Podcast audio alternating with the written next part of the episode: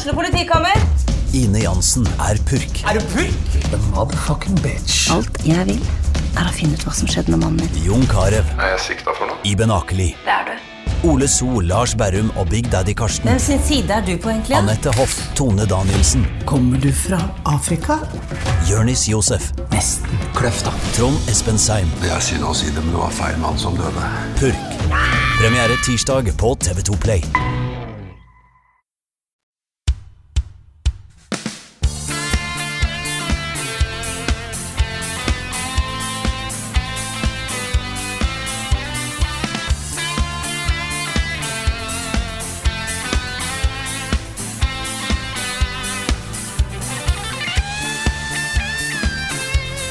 Halla, og velkommen til en ny episode av podcasten Level Backup. Ikke med Frida Vanmo denne uka. Frida er bortreist, ute og reiser. Men mitt navn er Karl Martin Oksnes, og med meg har jeg Rune Fjell Olsen og Niklas Halvorsen.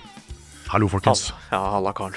Halla. Hello guys. Frida er, eh, det er litt morsomt fordi Frida eh, har fått seg jobb i eh, ja, et stort norsk selskap som holder på med alu aluminium. Aluminium? Al aluminium. Alum, aluminium. Ja, og skal forske, hun skal da forske på hvordan man skal utvinne og behandle eh, aluminium på en mer effektiv og miljøvennlig måte, ikke sant? Uh, og hun er ute og reiser nå. og I Aftenposten i dag så, så jeg bare en kjempestor annonse fra det stedet hun er på, fra det selskapet hun jobber i, hvor de sier at nå skal vi endre verden med liksom mer miljøvennlig. ikke sant? Og det var Frida, det er Frida. Frida Ja. er der. Der er Frida, vet du. Det var veldig kult. Det er så gøy. Du ser én liten person har en thumbs up, bare men er det som er Ja, ta så, ta så zoom, zoom inn litt. det? Er gliss på yeah! Ja, så zoom, zoom inn 5000 og gjør bildet klarere, og gå rundt hjørnet. Der er Frida. Men Frida er tilbake neste uke. Ikke minst er hun også med på hele eller i hvert fall Hun skal sikkert sove litt. Men hun er jo fra start av på den eh, svære 24-timers eh, veldedighetsstreamen vi skal kjøre eh, sammen med Redd Barna. Eh, Det er da fredag den 13. klokka 12 starter den, og vi skal holde på altså da i 24 timer. Med en blanding av, eh, av level up-innhold og spennende gjester. Eh, og formålet er selvfølgelig da å samle inn penger til Redd Barnas TV-aksjon 2023. Som går til inntekt for barn rammet av krig. Og Vi var jo der på, mm, her, her om dagen, Karl, sammen med Hugo. Og fikk en innføring i hva disse pengene skal da gå til. eh, hvorfor det er viktig å hjelpe barn i disse områdene som, som blir dekka av eh, dette her. da.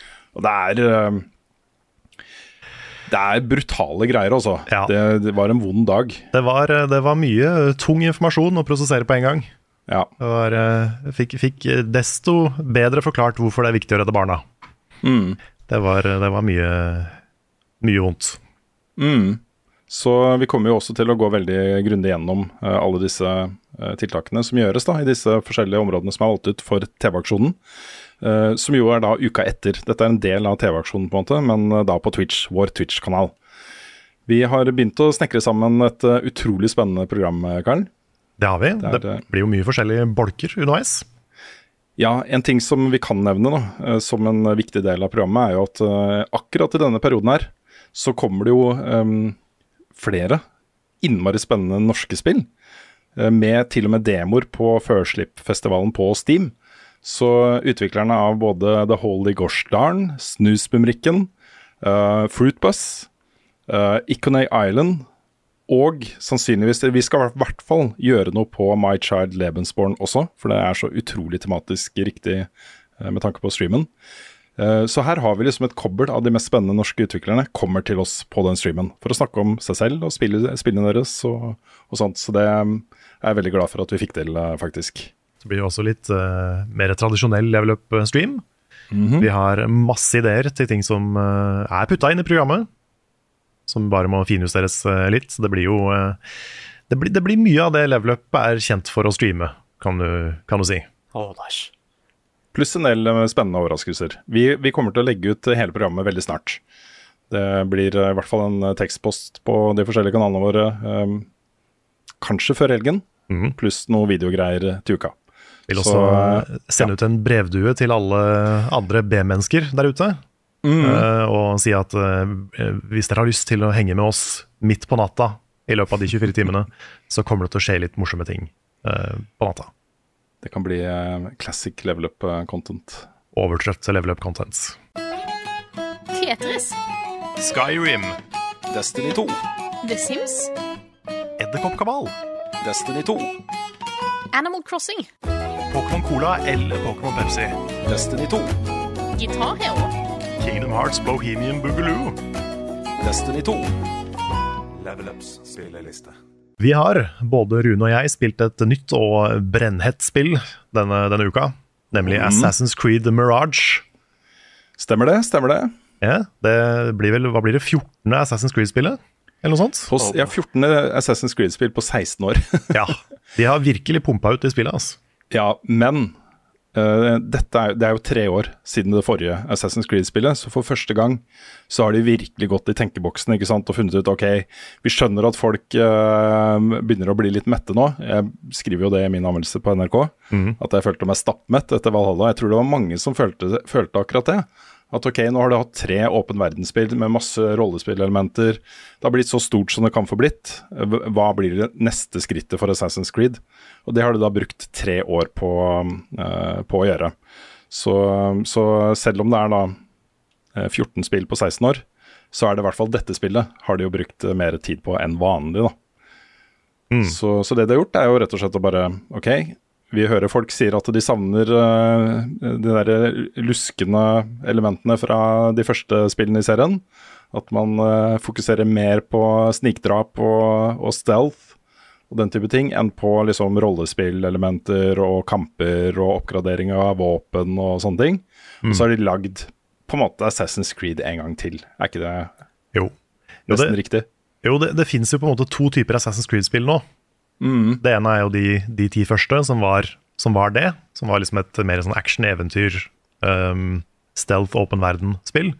Og så har du de som er mer sånn Odyssey Valhalla, som er store open world uh, RPGs Ja. i sånn The Witcher-style. Så dette er jo da den første typen. Ja, jeg har spilt eh, mange timer. Jeg må nevne det, jeg har ikke runda det. Det rakk jeg ikke før anmeldelse. Men jeg har spilt mange timer, og jeg har faktisk bare vært, hold dere fast, i én sånn derre direkte åpen sverdkamp med fiender. Oi.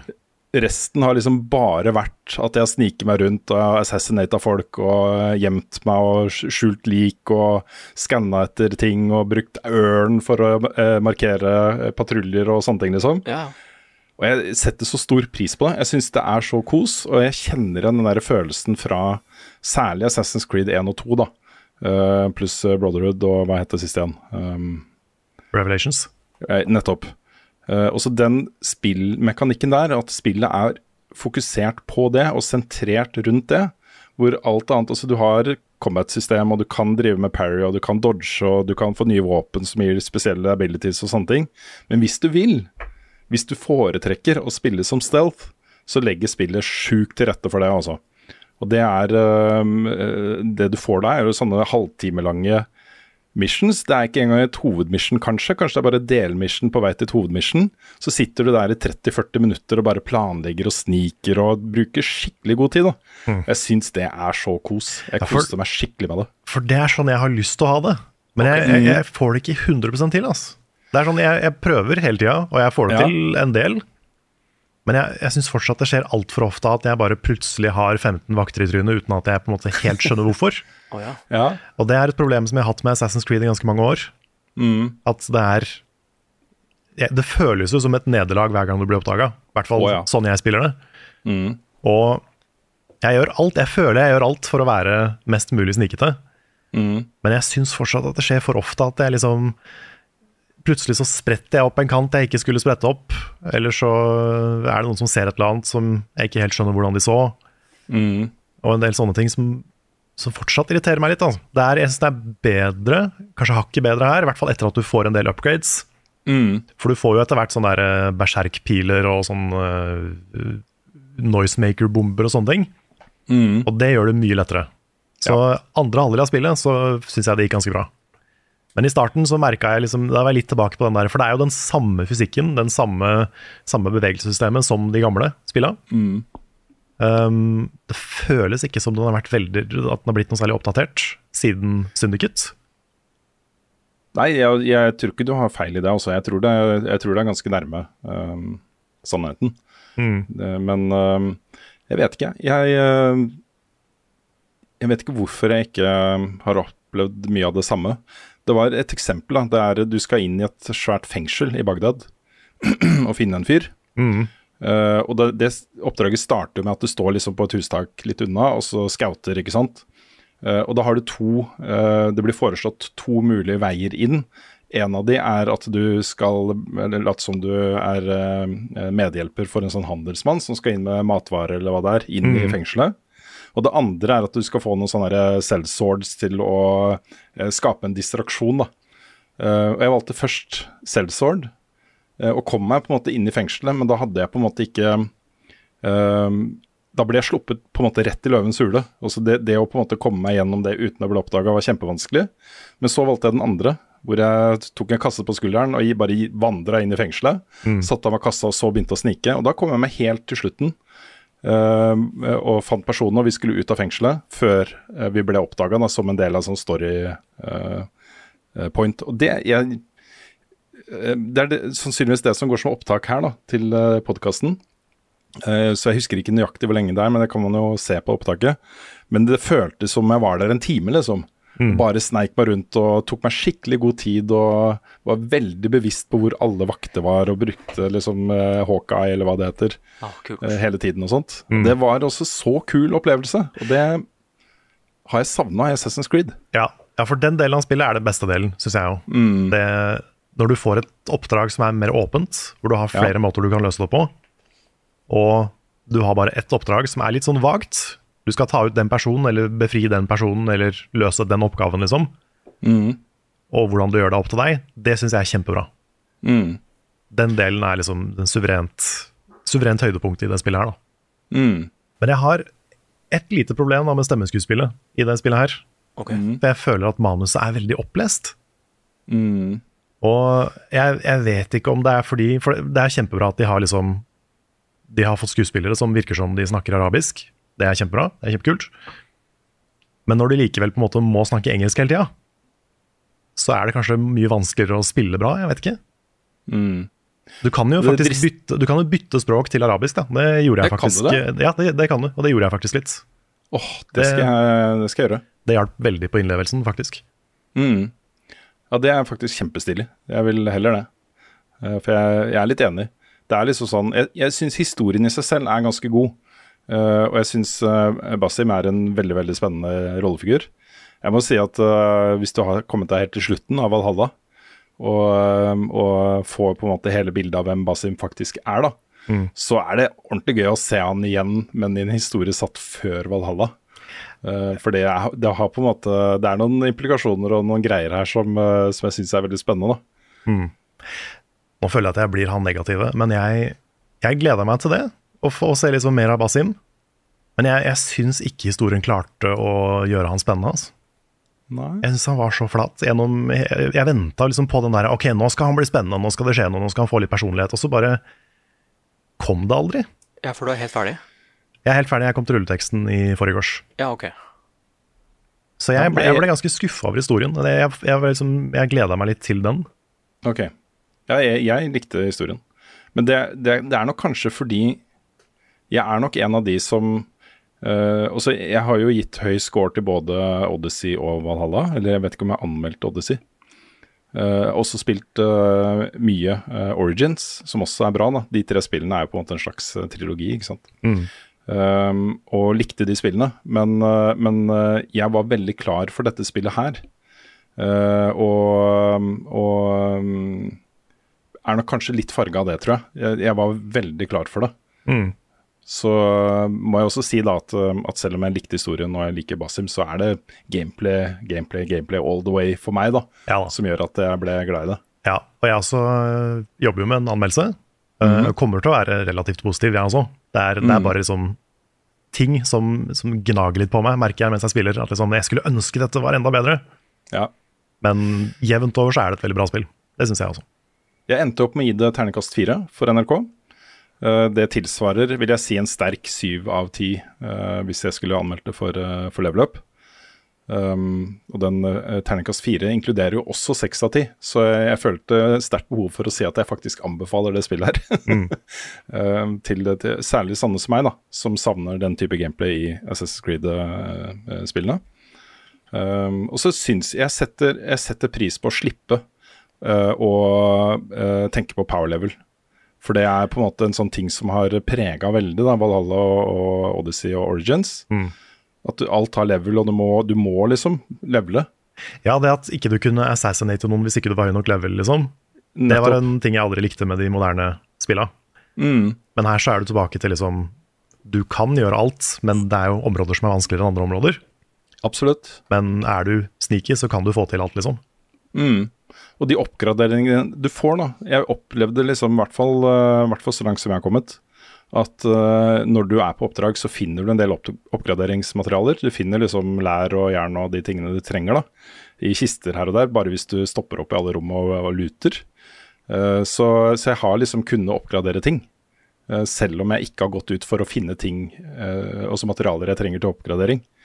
Og det som er tingen med gear nå, er jo at det har jo forskjellige perks som du låser opp, ikke på en måte mer sånn, ikke power level-type ting. Uh, men du får flere perks hvis du oppgraderer det, som gjør uh, våpenet bedre eller, uh, eller, rustningen bedre. da. og det de har beholdt av rollespillelementer, er jo sånne ting som at du har et rustningssett som er laget Det er vel det første du får, som er laget for å være mest mulig lydløs når Mm. du assassinater. Så hvis du får oppgradert til maks, så er du 100% lydløs når du assassinater noen. ikke sant? Det er ingen som kan høre at du stikker kniven inn i halsen på fyren rett ved siden av. ikke sant? Det kostymet brukte jeg gjennom hele spillet. Ja, for det har jeg tenkt å gjøre også. Eller i Mm. hvert fall det, det har ikke kommet noe bedre ennå. Jeg har fått en fire-fem andre eh, kostymer med andre typer perks.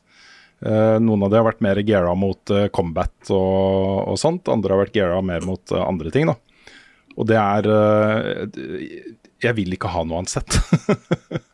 Eh, både pga. utseendet, men også fordi det er den perken jeg vil ha. da. Mm. Du har også noen sånne um, uh, transmog-kostymer som du kan ha på deg utapå de klærne du egentlig har på deg. Og der får du noen ganske kule assassin-kostymer etter hvert. Ja, det vil jeg tro. Så det, det bytta jeg litt av og til. Mm. Det er litt spennende å se nå hvor de tar uh, de to neste Assassin's Creed-spillene, for de har jo annonsert to spill til. Ja, har, de ikke, har de ikke sagt at det som er i Japan, skal være mer i Valhalla-stilen? Mm. Har de det? Jeg tror det. Det tror jeg, det tror jeg de har sagt. Okay. Og så skal det heksespillet være mer à la dette her, kanskje? Ok. Ja, jeg tror det er veldig avhengig av at jeg ikke nettopp har spilt et stort åpen verdensspill før. Uh, hvis jeg skal få noe sånn ordentlig kos ut av et nytt Assassin's Creed Open World RPG, Mm. må jeg innrømme. Uh, det har jo skjedd ting med den sjangeren etterpå. Uh, vi har jo fått noen utrolig gode åpen verdensspill etter Valhalla. Som jeg føler Hadde jeg spilt Valhalla i dag, så hadde jeg nok vært strengere mot det spillet enn jeg var da det kom. Mm. Um, men i hvert fall så uh, Når du sier det, så ble jeg jo mer klar for uh, heksespillet. Må jeg innrømme. Ja. ja, jeg har liksom ting jeg setter pris på. Altså forskjellige ting i de forskjellige versjonene av Assassin's Creed. Mm. Jeg, jeg liker jo den originale. Jeg har jo spilt ti av de, liksom. Av de, den gamle Assassin's Creed-oppskriften. Mm. Eh, Så jeg liker den jo. Um, men det er fortsatt en sånn derre Jeg vil så gjerne at de skal bli enda litt bedre.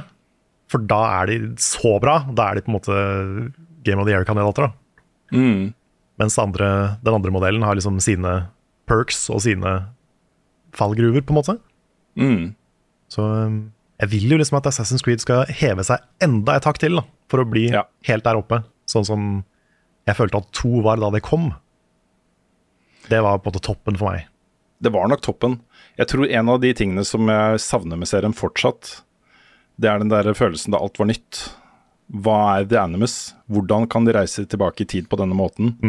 Hvem var disse her prehistoriske folka? Ja, Hva er denne teknologien vi leiter etter?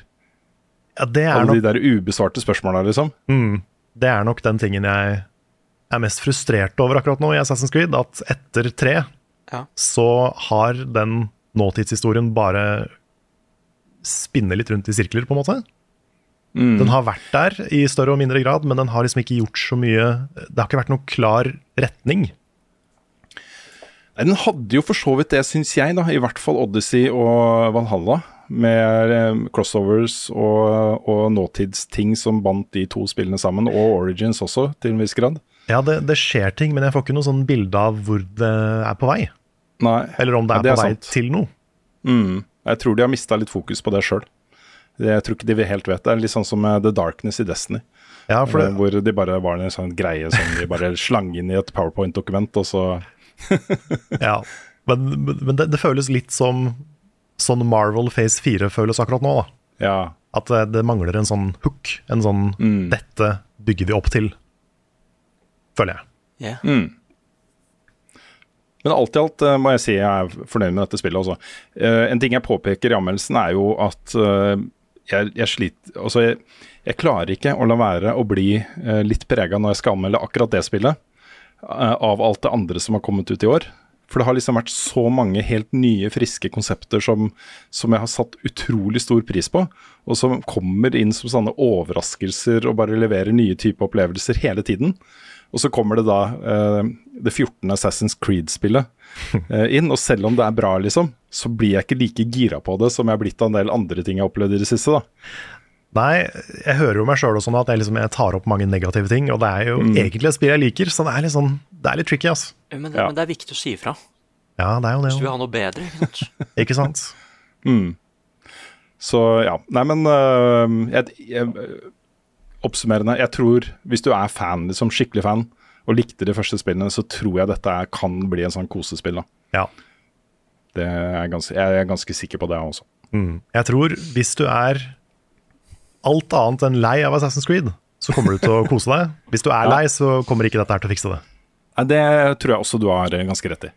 Da kan vi jo gå videre. Jeg har lyst til å starte med eh, et spill jeg har eh, spilt bare en times tid, men jeg klarte ikke å la være. Eh, Og det er spillet Cocoon fra danske Jeppe Karlsen eh, sitt nye studio. Dette er jo en av de som var sentrale på utviklingen av Limbo og Inside. Eh, Og det slo meg litt sånn umiddelbart når jeg spilte det, at dersom dette hadde liksom blitt værende i, i eh, eh, Limbo Studio, liksom, så kunne det ha blitt utvikla seg til en sånn der, mye større ting enn det er. da, Fordi eh, Playdead er jo kjent for å lage én type spilleopplevelser. De har lagd Limbo, de har lagd Inside, de er mørke. De har, de har disse brutale dødsfallene og sånne ting. Og så kommer da Cocoon, som er lysere, uh, mindre sånn uh, tungt. Det, det er mye lettere. En mye mer uh, sånn fargesprakende opplevelse. Og en veldig sånn klar avstikke fra det de er kjent for. Samtidig som du beholder litt den der intuitive gameplay-design-greia. At ting skal ikke forklares. Eh, spillerne skal forstå hva de skal gjøre uten å bli forklarte. Eh, så, så nesten litt sånn lei meg for at det ikke er et Playdead-spill, men, eh, men Jeppe Karlsen viser jo veldig tydelig da hvilken input han har hatt på Limbo Inside, for dette her er altså så bra. det er så bra. Um, det er ingen HUD. Det er ingen opplæringsdel. Det er ingen innstillinger i menyen utover sånne helt basic ting. Uh, og du blir bare sluppet på et kart. Uh, og i starten så kan du ikke gjøre noe annet enn å løpe. Det er det eneste du kan gjøre. Det er ikke noe hoppeknapp, ikke noe slåknapp. Ingenting. Du bruker bare bevegelsesstyring. Og så kommer det inn litt mer etter hvert. Uh, men det er jo da puzzles. Du er inne i en verden hvor um, du spiller som en slags sånn mekanisk sommerfugl. Du har en sånn vinger bak deg som kan brukes av og til, eller aktiveres av og til. Og jeg har nå, uh, på det jeg har spilt, bare brukt X-knappen og, og så styrespakene. That, that's it. Jeg har hatt en, en bosskamp hvor hele mekanikken er å bare plukke opp ting og liksom Det er, det er ikke noe sånn slåssing i det hele tatt, liksom. Det er bare en sånn puzzle-mekanikk og en sånn uh, kontrollmekanikk som, uh, som uh, det bare er forventa at du skal forstå. Og da er det jo ganske genialt, da. At du kommer deg videre. Men selv om det begynner å bli eh, gradvis mer og mer intrikate puzzles, hvor du må plukke opp baller, finne ut hvor du skal ta med deg den ballen, og så plutselig så får den ballen en annen funksjon som gjør at du kan låse opp noe annet et annet sted. Og så må du flytte på liksom spaker og, øh, og øh, en del sånne ting. da. Og alt er bare miljøbasert. Det er ikke noe sånn pek... Ikke- blir ikke pekt noe sted. Du bare finner ut alt dette på egen hånd. Jeg føler meg smart, jeg føler meg kul. Det er utrolig flott verden, kjempefin musikk, veldig veldig pen grafikk. Og et veldig sånn skarpt um, design. da. Så dette var ehm, jeg har, Det har sett bra ut på trailere, og så begynte disse um, anmeldelsene å komme. Jeg ser det har fått uh, toppscore flere steder uh, rundt omkring etter utgivelsen. Og det skjønner jeg også, for dette er, uh, dette er utrolig bra, rett og slett. Ha. Har dere tenkt å spille det? Får vel spille, det da. Ja, må nesten det nå. Ja. Det er, så, det er så for mange spill. Det er for mange spill, men jeg må prøve å presse det neste sted. Åh, jeg Det koster 200 kroner. ja. Ja. Ja, jeg lurer sånn på hva twisten er, ass. Jeg Ja, er, for det må jo være noe. jeg er spent på om det er like weird som det Limbo Inside er. Ja, så det, har, det, det er jo mye sånn derre um, Visuelle historiefortellinger. Også det er åpenbart det, det, Dette har en historie, eh, og det er en grunn til at du er der. Og du interacter med på en måte skapninger som, eh, som eh, Noen av de er litt skumle. Noen av de virker mer sånn vennlig innstilte på, på deg da, og hjelper deg. Mens andre Ja, jeg nevnte jo en bosskamp. som, som minner meg litt om sånn Super Mario-bosskamper. De har tre faser, blir gradvis hakket liksom litt hvassere. Og så er det en twist på tredje fase som gjør at du må tenke helt nytt. Men allikevel liksom veldig enkelt å forstå hva du faktisk skal gjøre. da. Så selv om jeg Og så eh, jeg tar ikke skade, liksom. Jeg kan ikke dø. Så det som skjer når bossen tar meg, er at den bare kaster meg ut av arenaen. og så må jeg løpe tilbake. Eh, Og det er også, syns jeg, veldig forfriskende. Så vi har jo satt i gang Hans Kasper med å anmelde dette her, så dette vil det da komme en anmeldelse av på, på kanalen vår. Og så har jeg spilt uh, Forza Motorsport. Ja. Og det tror jeg at jeg skal legge litt til side og så ta opp igjen, for jeg har spilt det på PC. Og det var ikke veldig bra optimalisert da.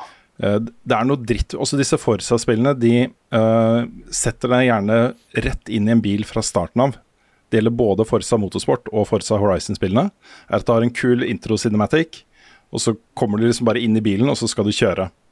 Og da jeg starta dette spillet på min eh, 3060 eh, PC-maskin på Steam eh, i eh, ultrawide, så fikk jeg da stretched 1080P eh, når jeg kjørte det første løpet. og det, er, det irriterer meg. Det irriterer meg. Det er sånn derre Dette er eh, eh, ikke sånn det skal være. Og så fikk jeg gjort disse innstillingene, tilpassa min skjerm og den PC-en og høyere oppløsning og sånne ting, og det så bedre ut. Men allikevel så tror jeg dette spillet nok er best optimalisert for eh, Xbox eh, Series S og X også. Jeg har en følelse av at det ser penere ut der, for det var ganske blast i grafikken. Den gjorde en sånn test på, eh, på hva maskinen min tåler av innstillinger, og det var ikke så pent som jeg forventa at det skulle være. Nei, det var ikke noe drittmaskin, du. Nei, den skal jo være den, Nå er den jo ikke top tier lenger, den er, men den er bedre enn mid tier. Det er en sånn uh, uh, andre rank uh, greier, liksom. Så det, det burde se litt penere ut. Um, så var det også litt sånn derre uh, hva, hva heter det Når uh, det plutselig ikke er noe asfalt lenger, og du ser det som er under asfalten. I koden, ah, ja, liksom. ja, ja, sånn klipping, liksom? Eller? Ja, litt rann, sånn at det var her er, jeg, Ja, jeg kjører fortsatt. Jeg ramler ikke ned i det hullet. Men det er bare maskin... Altså, verdenen klarer ikke å tegne asfalten akkurat der. Oh, ja, okay. Så da blir det bare den der grå uh, intet uh, som, som ligger der, liksom. Altså teksturene lodder ikke inn, liksom? Eller er det mer sånn pop Ja. popping? Mm. Nei, det, teksturene lodder ikke inn. Kjører fort, da. Ja, Kanskje det er fordi jeg Kjører kjører så fort. Kjører, kjører for fort for grafikken? Ja, Jeg klarer ikke å se teksturer hvis det går for fort. Nei, det er sant, det. Det blir bare blurry. Ja. Når det er sagt, da, så er jo kjørefølelsen innmari god. Og det er jo det som er best med Forza motorsportspillene, og Horizon også, for den saks skyld. Eh, Så jeg satte meg rett inn og kunne velge mellom tre biler. Jeg valgte Ford Mustang. Og så kjørte jeg et, et løp med den. Og så gikk jeg inn i butikken og så kjøpte jeg meg en, en eh, Ford Mustang Shelby GT 500. og så kjørte jeg et løp med den. Og det er, det, det er disse bilene jeg går for hver gang. da. Eh, Så jeg tok et, eh, et quick race på Nürburgring, som er en av de eh, gamle traverne i bilspill. Og det føles altså veldig veldig godt å kjøre disse bilene. Og um, jeg, jeg vil gjerne se det bedre optimalisert på Steam. Uh, og så vil jeg teste det på Xbox, rett og slett, for å, for å få det som jeg tror kan være den beste opplevelsen av dette spillet. For jeg tror det er, jeg tror det er innmari bra, rett og slett. Dette er uh, kvalitetskjøring. Jeg er veldig glad i også at man kan sette seg inn i liksom, superbiler med en gang, hvis man vil. Og få litt sånn ordentlig fartsfølelse og, og, og sånt, istedenfor å liksom spille i timevis med bare vanlige biler som jeg kan eh, leie på bilkollektivet. eh, og kjøre til Porsgrunn, liksom. Med. så det er jo ikke derfor jeg har lyst til å spille bilspill. Jeg har lyst til å sette meg inn i sånne biler som jeg aldri i verden vil ha mulighet eller råd til å kjøre, ikke sant. Så, um, så der er Forza Motorsport eh, mer sånn actionprega enn det Gran Turismo-serien er. Så eh, Jeg vet ikke hva jeg får gjort med det på anmeldelser og sånne ting, men vi, øh, vi får se. Det kommer et annet bilspill øh, senere i høst, i slutten av oktober, øh, som heter EA Sports WRC, som jeg også er veldig spent på. Så det kan hende at kanskje vi gjør noe sånn streamgreie på de to spillene samtidig, eller noe sånt. Eller ikke samtidig, men eh, som en sånn bilspill-event Ja. på, på Twitch. Battle of the bilspill. Oh, ja. Et eller annet sånt. Ja, Ja. det er kult. Så, um, så um, ja. eh, ja. Eh, og så har jeg lyst til å ta et spørsmål eh, som en inngang til det neste vi kan prate litt om. Det er fra Niklas Lykkås Krabbsetsve. Som spør da, eh, eh, til Rune, hvor mange gjennomspillinger har du på Lies of Pino, og hvor langt unna er du platinum? Og da kan jeg informere om, etter det, er vel, det var vel rundt 27 ti- timer eh, stream, tror jeg, til sammen på en uke. Ja, Du har streama aktivt den siste uka. Ja, så ble det platinum også i Liza of P. Da fikk jeg den siste endingen jeg mangla. Fy fader. Og det, er, eh, det var veldig godt å få den unna veien. Nå, nå har jeg rydda plass til Cocoon og Forza og um, uh, Lords of the Fallen, Alan Wake 2, Ja, Sp 2. ja, ja. Ikke sant? Alle de greiene som kommer nå. Uh, og jeg, jeg hadde ikke klart å konsentrere meg om noe annet. Da jeg bare visste jeg mangla én trophy, ikke sant? Én ending. Det var kjempegøy å spille det gjennom en gang til. Så um, så jeg også at du og Svens eh, la ut anmeldelsen deres av spillet i dag, Karl. Det gjorde vi. Oi, det ble en, eh, en beefy og nerdete anmeldelse av Lies of P fra to mm -hmm. uh, over gjennomsnittlig engasjerte i Souls-spillanmeldere. Så den er, den er ute. Ja. Den uh, er det bare å se hvis man har lyst. Det blir, eh, vi kan, kan jo si såpass som at det ble en positiv anmeldelse. En veldig positiv anmeldelse. Oh. Mm. Så det spillet, det spillet er kjempebra. Altså, jeg, jeg eh, rent sånn personlig jeg har sånne der, litt sånn motstridende følelser inni meg på akkurat det spillet. Fordi jeg, jeg har liksom lyst til å også vifte litt med pekefingeren fordi det er veldig, veldig likt Bloodborne. Ja. Jeg har liksom lyst til å gjøre det, fordi de har jo bare vært også de har, Mye av spillet har vært veldig, veldig god kopiering. Hvor de har bare tatt elementer som funker og bare gjort sin vri på det. Men det er fortsatt Altså Det er ikke de som har funnet opp disse mekanikkene, ikke sant? Nei, for det, jeg kan jo liksom behind the scenes Jeg hadde en lang rant inni anmeldelsen om det. At det var litt for likt. Og det, det er på en måte ikke bare gameplay og stemning som er kopiert, men det er også liksom menyer, og det er måten karakterene snakker med deg på, og det er veldig mange helt ned på detaljnivå ting som er prikk likt. Og det snakka jeg litt om. Men jeg endte opp med å fjerne det fordi jeg begynte å tenke på liksom alle tinga som de gjør annerledes, og alle de andre Ja. spillene som gjør det samme. At det har blitt mer en sjanger. Det er sånn, Jeg var veldig i krig med meg sjøl på det. Ja.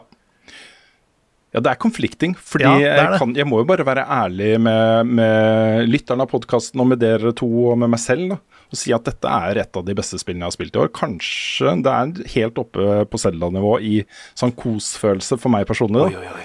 Eh, Jeg har altså kost meg så innmari med det spillet her. Og jeg setter så stor pris på den derre bild-variasjonen de har i dette spillet her.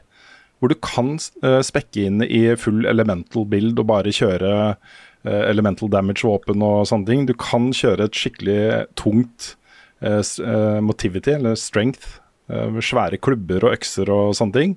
Eh, du kan eh, bruke dekksvåpen, så du har dritkul sånn eh, katana f.eks., som du får eh, av en av bossene. Den ble Um, mitt våpen. Ja, det er kjempestilig. og Det har jo så utrolig kult moveset, ikke sant.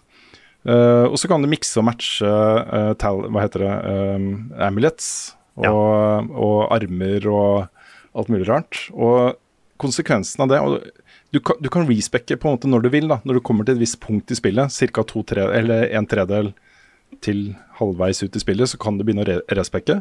Det er enkelt å gjøre og lett å få til. Uh, og det er liksom sånn Den derre invitasjonen til å bare leke deg med forskjellige våpen og sånt, syns jeg er altså så kul også. Så jeg har testa mye, men jeg har endt opp med å bruke den der skiftenøkkelen mest, da. Det var, jeg fant liksom en, et våpen og en uh, spillestil som passa meg innmari godt, og bare gikk all in på det. Uh, og det var, uh, det var en utrolig kul opplevelse også. Så ja. Dette kommer til å komme høyt. Jeg skal tenke hardt og lenge på om dette er mitt favorittspill i år, eller om det er noe annet. Oi. Ja, jeg, jeg også har det på topp ti. Mm. Det, er, det, ikke- det er ikke Selda for meg, men det er, det er definitivt topp fem, tror jeg i hvert fall. Oi. Mm. Men eh, ja, ett spill til, hvis jeg kan ta opp det òg. Ja, ja, vi snakka masse om Lies of P forrige uke, og anmeldelsen er ute, så vi trenger ikke å tvære det ut mer. Nei, jeg, det vil jeg bare skyte inn at eh, det har kommet et, eh, en ny patch og et nytt raid til Final Fantasy 14. Og jeg, jeg spilte det med Billeba-gjengen. Det var kjempegøy.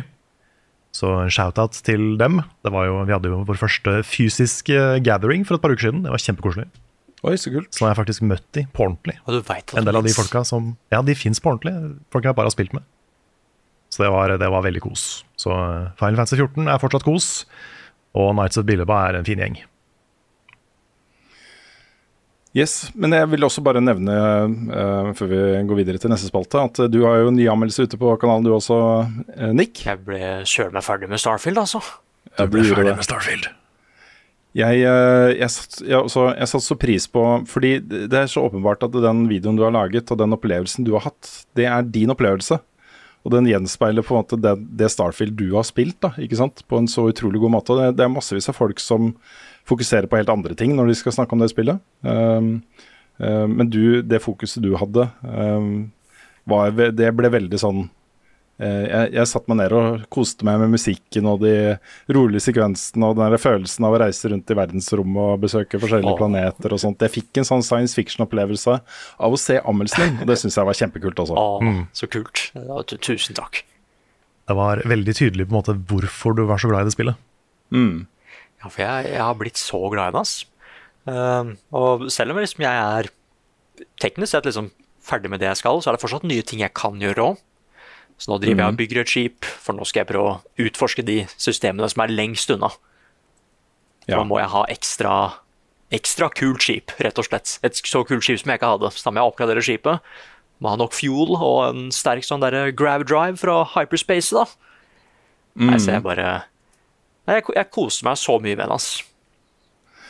Kan jeg bare si en liten ting som er sånn Jeg kunne ikke sagt det ved lansering, eh, fordi det antyder en, eh, noe som, eh, som enkelte kanskje kan an anse som en slags spoiler. Um, kan jeg få lov til det? Er det greit? Og så kan jeg klippe det bort hvis det blir for mye. Det er greit for meg. Ok. Er det greit for deg, Nick? Ja, eller jeg, jeg veit det vel, holdt jeg på å si. Ja, jeg tror du vet hva det er. Ja, okay. Men eh, Todd Howard var jo ute nå nettopp og sa at eh, Starfield er designa for å spilles i veldig lang tid. Også Det er meningen at folk skal bli værende i universet og gjøre nye ting. Og kanskje til og med det vil komme nye ting eh, de kan gjøre etter hvert. Ja. Eh, Men spillet rent grunnleggende har en mekanikk hvor eh, det å komme liksom til eh, rulletekst, da, eller komme seg gjennom spillet, er det på en måte litt meningen du skal gjøre igjen og igjen og igjen. Altså det å komme deg gjennom hele historien, komme deg gjennom dette ene store mysteriet som er liksom hjertet i eh, historien her, Uh, er det meningen du skal gjøre flere ganger. Og det skjer ting. Hver gang du gjør det, så skjer det ting med verden. Uh, og det syns jeg er en sånn kul ting. Og jeg har ikke fått gjort det selv ennå, jeg har bare uh, hørt folk snakke om det. Men en sånn, når jeg skal tilbake til Starfield, er det det jeg kommer til å gjøre. Da kommer jeg til å se hvor det bærer, da. Akkurat den mekanikken her. Eh, og Det syns jeg var en sånn kul bonusting med spillet, som, eh, som eh, kommer litt som en sånn gavepakke da, etter rulletekst. ikke sant? Ja, det er veldig stilig. Og så tenker jeg bare at det er, det er så mye der som det kommer til å ta så lang tid før noen finner òg. Fordi det er så svært. Eh, og det var jo sånn med Skyrim òg, selv om folk har jo 100% utforska den verden der nå. Men jeg har alltid den at Hva hvis jeg finner noe nå som ikke noen andre har sett ennå? Eller skriver om, da. Og det er kjempespennende. Det er det, altså. Og så vil jeg nevne da at eh, det er jo et annet spill som er ute nå, som også nok kommer til å havne på mange topplister. eh, nemlig delscenen til Cyberpunk 2077. Yeah. Phantom Liberty. og det driver nå Svens og spiller på Twitch-kanalen vår. Så hvis du er hypp på å, se noe av det, og jeg bare lover, det, er ordentlig gøy å se på. Svens kjører jo en veldig sånn derre Han kjørte Gorilla Hands, og så fant han uh, Mantis Blades i Phantom Liberty. Og var sånn Vent litt, jeg må respekte. Svendsen har jo aldri respekka før. det har Han gjør jo ikke sånt. Ja, ja, ikke sant. Nei. Så nei, han driver og pælmer uh, kropper på folk, det er våpenet hans. Ja. Det er den Så, men- morsomste playthroughen av Cyberpunk jeg har sett. Ja, det er kjempegøy, så jeg anbefaler. Det er, har nå stort sett vært som en klokke da, annenhver dag klokka åtte. Eh, nå er han litt sjuk, litt eh, stemmeproblemer, så jeg vet ikke om det blir, eh, blir det. Men bare følg med på, på Twitch-kanalen vår, så vil det komme flere Cyberpunk-streams der. Har dere prøvd vann fra springen? Jeg har sett en ny TV-serie nå, vet du. Dette albumet må dere høre. TV-spill er ganske stas. Det er en serie som foregår in space. YouTube.com der er en kul nettside. Level Ups anbefaling. Det er Nick som står for anbefalinga denne uka. Hva er det du, hva er det du har tatt med, Nick? Uh, først må jeg bare da si at uh, jeg er blitt veldig glad i den O'boy-spalten. Ja, Den liker jeg kjempegodt. Eh, Men jeg tenkte ikke over at det også kunne på en måte nesten bli en anbefalingsspalte når disse tinga er lansert. Da. Uh, og da anbefalte jeg en anime som het Friren. Frieren? Frieren, vet ikke hvordan jeg sier det. Uh, og jeg glemte da å si at det, det er Frida som viste meg den serien her. Hun viste meg mangaen for lenge siden, og det er derfor jeg var så spent å se det animert. Så det er, det er, det er egentlig Frida sin anbefaling. Som nå er blitt Frida animert. anbefalte fri, Friren. Fri, Frideren. Fri- Frida, Fri- Fridaren anbefalte meg det. riktig. Og, det, og det, er, det var en kongeanbefaling, for det, det var jo en så De første episodene har kommet, og det er så bra. Men ok, men, men det jeg skal anbefale, en rasken, er at jeg skal anbefale denne her John Wick-serien på Amazon Prime. Ja, The Continental. Ja, Hotel Continental. Ja, In the World of John Wick Shenanigans, eller hva den heter. Har ikke den fått litt sånn hard medfart fra folk? Ja, den har det. Egentlig. Og, ja, fordi de sier liksom at det er ikke helt eh, John Wick-nivå, og jeg er e litt enig i det. Du merker at de har ikke helt det samme budsjettet sånn som det de hadde i de filmene, men jeg skjønner ikke helt kritikken. Hmm. Um, fordi det som er at det handler om en ung Winston denne gangen, ok? Før han ble Ja. sjefen for dette her hotellet som er i John Wick. Um, og Jeg skal ikke si liksom hva som setter i gang konflikten, og sånn, men det som er så kult med den, er at det, det handler ikke bare om de folka i dette assassin-miljøet, fordi det er et sånn super-assassin-miljø, da, hvor alle konflikter blir løst med snikmyrding. Men det handler også om de folka som Det tar sted i en tid hvor de folka som er utafor det miljøet, ikke helt vet åssen de skal håndtere det her. For la, la oss si at det skjer et eller annet i assassin-miljøet som påvirker vanlige folk, da. Hva skal de gjøre, liksom? De kan i hvert fall ikke gå inn i det hotellet og bare spørre hva som er greia, ikke sant? Fordi Har politiet du et ledig rom? ja, bare... Nei, fordi I de originale filmene så tør ikke politiet å gjøre noe. De er bare, vet du hva, de assassinene kan bare gjøre sin egen greie. Så jeg synes Det handla masse om de vanlige folka rundt òg. Og så syns jeg bare det er skikkelig kul action, altså. Settingen er kjempestilig, og det er fortsatt topp norsk koreografi her. Så, så jeg ville bare anbefale den. Det er en veldig liten serie, da. Jeg tror bare det kommer sånn tre episoder. Og jeg har sett to, men uh, hvis du liker John Wick, så tror jeg du kommer til å like det her veldig godt også. Her kommer nyheter med Rune Fjell-Olsen, og han har ikke hår. Det blir uh, dessverre ikke så mange sånne kosenyheter i nyhetsspalten uh, denne uka. Noen ganger blir det litt sånn. Eh, og Vi starter med kanskje det mest alvorlige av disse sakene. og Det er at eh, nå er da fem tidligere Ubisoft-ansatte eh, og sjefer avhørt av politiet. De er jo ikke sikta for noe ennå. De har blitt henta inn til avhør. melder da den franske avisen Liberation. Liberation. Dette er basert på, på de anklagelsene som kom da i 2020 fra Ubisoft-ansatte om, eh, om eh, seksuell eh, trakassering. eh, Og også det som da blir omtalt som seksuelle angrep. Også, og, ja, Ja, det ble, Så ganske alvorlige saker. det ble brukt uh, orda 'systemic sexual violence', og det er tre ganske alvorlige ord. Oi. Ja. Og to av disse som har blitt henta inn til avhør, er jo da um, uh, Serge Hascoe uh, og Tommy Francois, som jo har vært veldig sentrale i Ubisoft. Um, Haskoe var jo da eh, eh, toppsjefen Yves Guimot. Yves Guillemot. Yves Yves ja. Ja, sin høyre hånd, liksom. Eh, veldig veldig sentral i toppledelsen i Ubisoft.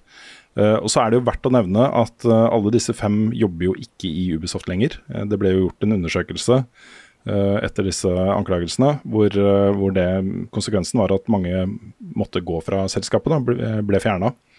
Eh, Men det er jo ganske dramatisk, eh, dette her. Og Liberation, altså nyhets, altså avisa, hevder jo de har eh, 20 kilder i Ubisoft som snakker om grunnene til at disse personene har blitt henta inn til avhør hos politiet. Så jeg er litt spent på, på hva Ubisoft gjør sånn overbyggende rundt dette her. Jeg tror nok det skjer ganske mye internt som de ikke snakker om, men jeg kunne ønske meg at de, de snakka mer om det. Mm. At det var en mer sånn åpen uh, linje nå. Fordi uh, det har på en måte satt seg litt et inntrykk av at dette har vært en ordentlig gutteklubb med uh, alvorlige hendelser som har hatt stor eh, innvirkning på de ansattes ve og vel. Eh, og da er det litt rart at eh, her er det et nytt Assassin's Creed-spill, folkens. Eh, så vi er litt i den samme situasjonen, føler jeg, som eh, Blizzard eh, er og var i. eh, etter lignende saker, da. Mm. Hvor jeg husker godt hvordan det var det, det første året, før liksom eh, det ble tatt tak i, da. Så var det vanskelig Det var litt vanskelig å snakke om Blizzard uten å snakke om disse tingene. Så, um, så får vi se, da. Hvis, det, hvis dette ikke ender med noe tiltale eller dommer, eller noe sånt, så er man jo på en måte uskyldig til det motsatte er bevisst. Men um, eh, det er jo ting som tyder på at ting ikke har vært helt bra i det selskapet. Det må man jo si. Og så er det generelt tøffe tider i spillbransjen nå. Eh, Det er oppsigelser overalt.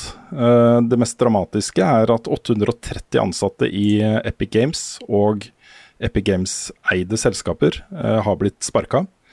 Eh, Det har gått veldig hardt utover eh, Mediatonic, som jo er utviklerne av Fall Guys. Og de ble jo kjøpt opp av Epic Games eh, etter suksessen med Fall Guys, og skulle jo være en sentral utvikler der av de, liksom. Det er så trist det der, for de er jo dritflinke, og de har laga et Mm. spill som har tatt av. Men fordi det ikke klarer å bli den derre konstante Games as a Service-tingen som Epic ser for seg, så Mhm. blir på en måte det lille teamet straffa for det. Ja. Det er trist. Ja, det er kjempetrist. Og det, det er jo um, det, det, det er mange deler på en måte da Epic Games som har blitt ramma hardere enn andre. Hvor de har bare De sier da at øh, målet her er jo å sikre fremtiden til liksom kjernevirksomheten til Epic Games. Uh, ved å liksom prioritere litt annerledes.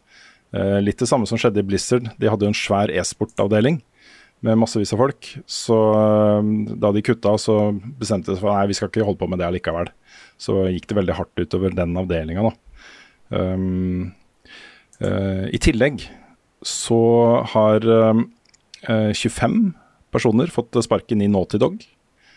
Uh, dette er, sånn som jeg forstår det, contractors, altså innleid assistanse, i forbindelse med dette multiplayer Last of Us-spillet, som, som måtte gå, da. Eh, kan jo tyde på at kanskje de gjør noen endringer der. Det var jo mye dramatikk rundt at Bungie var innom for å se på det, for å se om det var gøy. Mm. Kom med sin ærlige tilbakemelding på det, og de sa at dette er ikke så gøy. Ja. Så Eh, Siste, siste jeg hørte om det, var at det var ikke kansellert, men lagt på is. nettopp. Eh, jeg tror ikke det kommer ut. Til Nei, slutt. kanskje, det liksom, kanskje de går tilbake til å gjøre det til en mode i en, et The Last of Us-spill? Who knows? Det kan hende. Mm. Og så har eh, 13 fått eh, sparken i BioWare. Eh, dette er jo da ikke fast ansatte, det er også contractors. Eh, det som er litt spesielt her, er at dette er jeg vet ikke om det er hele QA-teamet, altså Quality Assurance-teamet, men i hvert fall store deler av det teamet som driver med QA på neste Dragon Age-spillet. Dette er også contractors innleid fra et stort selskap, da, som egentlig det selskapet det, de bare leier ut folk til andre selskaper for å hjelpe de med prosjekter og få det i havn. da. Eh, Det som har skjedd her, er at de hadde da en kontrakt som løp ut og ikke ble fornya. Men spillet er jo ikke ferdig, og spillet trenger mer quality assurance. Eh, Det som er ekstra spesielt, er at disse 13 ansatte de har også vært involvert i denne svære, eh, dramatiske saken der de fagorganiserte seg for et år siden. Ja. Så det, er det, det å på en måte da fjerne 13 ansatte som nettopp har fagorganisert seg, er jo ikke veldig um, vakkert å se på. Det lukter vondt, ass. Ja, det, Det er, er- ikke noe kult. Det er på en måte Alt man hører om at USA er anti-union, blir jo Mm. bekrefta her. Mm. BioWare eh, sa jo også opp 50 andre ansatte i august, inkludert flere av de eh, veteranene fra selskapet, folk som har vært der i 30 år og sånn. Så, mm, så eh, ja. eh, Dette er jo på en måte eh, litt sånn i tiden. At økonomien ikke er sånn som den en gang var. At det er litt tøffere tider, rett og slett. Men det er samtidig litt sånn spesielt å se det skje i så mange selskaper. Mm. Og at det berører så mange med folk, inkludert da også Creative Assembly, som vi snakka om forrige uke. Hyenas, det store spillet de utvikla, ble også lagt på is. Kansellert. Um, der har det jo kommet rapporter etterpå om at det spillet var skikkelig trøbbel. Uh, det er da ansatte på teamet som anonymt har snakka med, med folk om at, um, at ledelsen hadde ingen, ingen mål og retning med det spillet i det hele tatt. Og ingen uh, lyst til å innovere. De ville bare lage et Games as a Service-spill, var det de sa da. Så uh, det virker jo som om dette kanskje var et veldig veldig dyrt konsept som kanskje ikke hadde den retningen det burde ha. da. Virker som det er mange som har gått i den fella. Mange Mm. av de teamsa som eh, Sony er satt på å lage servicespill også, har jo følt seg litt fanga av det, Mm. virker det som. Og så har i tillegg også Team 17 varsla at det vil komme oppsigelser. Eh, ganske mange oppsigelser. De må spare mye penger. Den bransjen her, ass. Ja da. Det er ikke bare bra. Det er jo veldig vanlig da, at, eh, at utviklere staffer opp i oppkjøringa til lanseringer. At de trenger ekstra hjelp liksom de siste året, for, de siste året f.eks. før et spill skal lanseres. At de ansetter folk midlertidig. eh, og så lar de gå da, når spillet er ferdig og ute. Og så begynner de på et nytt prosjekt med et lite team, og så etter hvert så trenger de flere folk. Og så gjentar syklusen seg, da. Og En av de tingene som, eh, som fagforeninger og sånt jobber med, er jo bedre vilkår for de som er midlertidig ansatte uh, i spillselskaper.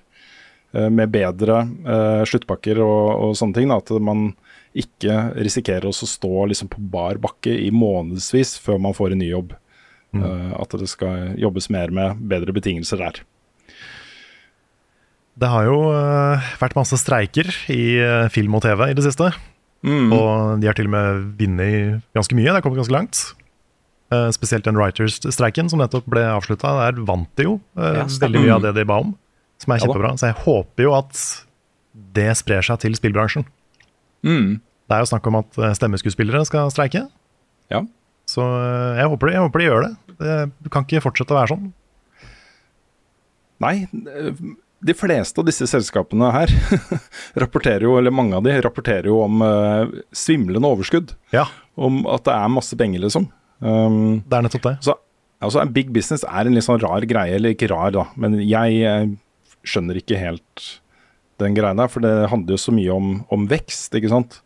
Uh, hvis, du, hvis du er et aksjeselskap, uh, og særlig hvis du er på børs, da, så handler liksom alt om vekst. Mm. Altså Det holder ikke å tjene like mye penger som du gjorde i fjor. Du må tjene mer penger, Ja, det, det og verdien ikke verdien på aksjene må gå opp, ikke sant. Nettopp. Det spiller ikke noen rolle hvor mye penger du har, så lenge du ikke har mer neste år. Ikke sant? Og at verdien på selskapet øker og øker og øker. Og så er det krise da, hvis kursen går nedover, og så må du begynne å sparke folk for å få kursen til å gå opp igjen. og så, så er, blir på en måte de ansatte som jobber der, blir sånne brikker i et sånn aksjespill, nesten. Mm. Det øh, syns jeg Ja. Det blir en sånn er betent blobb av et system. mm. Dette er jo ikke unikt for spillbransjen, da. Det må jeg jo få lagt til. Nei, men, det er jo, dette er jo kapitalisme. Mm. Vi lar det ligge med deg, Karl. Ja, det gjør du. Ny hyggelig nyhet. Det har kommet et nytt fotballspill. Eh, Det heter ikke Fifa lenger, det heter EA Sports FC. Hvor eh, det ble jo da lansert eh, med det samme Ultimate Team-systemet som alltid har vært der. Og dette systemet er jo sånn at du kan bare spille og spille og spille, spille og tjene in game currencies og kjøpe kortpakker. Og så får du en sjanse da, til å få en bra spiller som du har lyst på, som du plasserer da på ditt ultimate team, altså din førsteelver, elver, for å spille mot andre på nett. Det er liksom det Ultimate Team er. Og disse kortpakkene har jo vært en sånn kilde til eh, kritikk og mye debatt eh, lenge. Det er flere land som har forbudt den type mekanikker i spill, eh, med mindre det er liksom 18-årsgrense på det, for det defineres som gambling. Og så kunne man jo se for seg da at når, eh, når Fifa-lisensen er ute og EA skal liksom starte eh, med sin egen greie, at kanskje de tar en eh, liten gjennomgang av eh, den økonomiske modellen i spillet, men det har de da på ingen måte gjort. Um, de, en uke etter lansering cirka, så lanserte de det som kalles The Elite Season Opener Pack. The Elite Season Opener Pack, også, og, uh, det er jo Ultimate Team-sesongen det er snakk om, som da koster 285 000 coins in game currency uh, og 3000 FC points, som er da den currencyen du må bruke ekte penger på. Og det tilsvarer, hold dere fast, rundt 300 kroner Oi. for en kortpakke. Eh, og da har du allerede betalt 700 kroner for spillet, og så er det 300 kroner for bare en kortpakke, hvor du får en sjanse til å få den spilleren du har lyst på. Eh, dette er jo en litt sånn, det er en mye bedre kortpakke enn de vanlige, uh, som er så billigere, men fortsatt en del penger, da, hvis du skal kjøpe mange av de. For her får du eh, 45 eh, det som kalles rare gold-spillere, som har en rating på 80 eller høyere. Um, det er jo ikke noe du kan ta med deg inn i uh, Ultimate Team og forvente å, å slå liksom, et lag fullt av spillere på 90, liksom. Men allikevel, det er ganske gode spillere. Mm. Og så kan du velge én av to, um, og det utvalget igjen er jo basert på også, det er jo ikke bare to spillere i den kategorien, men du får da i denne pakka to random spillere, du må velge én av de, um, som er 87 eller høyere. Og så er det det samme systemet på én spiller til, én av to spillere, eh, som er et icon eh, rata 88 eller høyere. Det er... det er fortsatt sånn derre hvis, du- hvis du er fotballidiot jeg, Nå mener jeg ikke det som en negativ ting. Eh, dette er et etablert begrep, Ja, ja. folkens. hvis du er fotballnerd Ja. og du har lyst til å bygge sammen et lag, du vet hvilke spillere du har lyst på, eh, og du kjøper disse kortpakkene for å eh, få en sjanse til å få de spillerne du har lyst på, så sitter du ikke bare og ser på statsa, liksom. Du, du vil gjerne ha liksom Haaland eller Messi eller uh, hvem det skulle være, ikke sant. Uh, så du har jo bare en sjanse da, til å få de spillerne du faktisk har lyst på, i tillegg. Det er så kynisk av EA, det der med å lage et skikkelig nasty, nasty system, men så gi deg en sånn god deal i det. Ja. Sånn at, ok, for nå, nå, kan du, nå er det ikke fullt så nasty lenger, da er det faktisk en bra Da, da må du slå til, ikke sant? Det er så, er så stygt, ass. Ja, fordi altså det, det at de gir deg en, en, eh, en, um, en kortpakke hvor det er garantert en spiller med rating 88 eller høyere, er jo på en måte um, Det er nok et tilbud mange kommer til å slå, eh, slå til på. Eh, og um, eh, jeg, vet, jeg vet ikke, Hvis du kan kjøpe flere av disse Elite Season Opener Packs, så blir det ekstra ille. For se for deg, Du får ikke det spillet du har lyst på, ikke sant? og så skal du lage et lag med elleve spillere. så, ikke sant? så har du, du har en path. Ja. Du har en faktisk path til å få garanterte kort med 88 eller høyere. Da kan penga fort sitte løst, altså. Så 300 kroner ganger 11 da, for å få et bra lag. Oh my god. Ja, det blir jo faktisk det, nå. Herregud, tenk hvis dette var builds i Dark Souls, liksom. Ja, tenk om det. Tenk, oh. hvor, tenk hvor disgusting det hadde vært. Ja. ja. Du kan jo sette opp et lag da med bare ett, én sånn pakke, ikke sant? og bare ta de spillerne du får. Da vil du ha eh, to spillere med 87 eller høyere. Resten av spillerne vil være 80 eller høyere, og du vil jo da kunne eh, være kompetitiv mot mange da, på nett. Eh, men du vil ikke kunne være kompetitiv mot de som setter av liksom en 10 20 30 40 000 kroner til å komponere drømmelaget, ikke sant.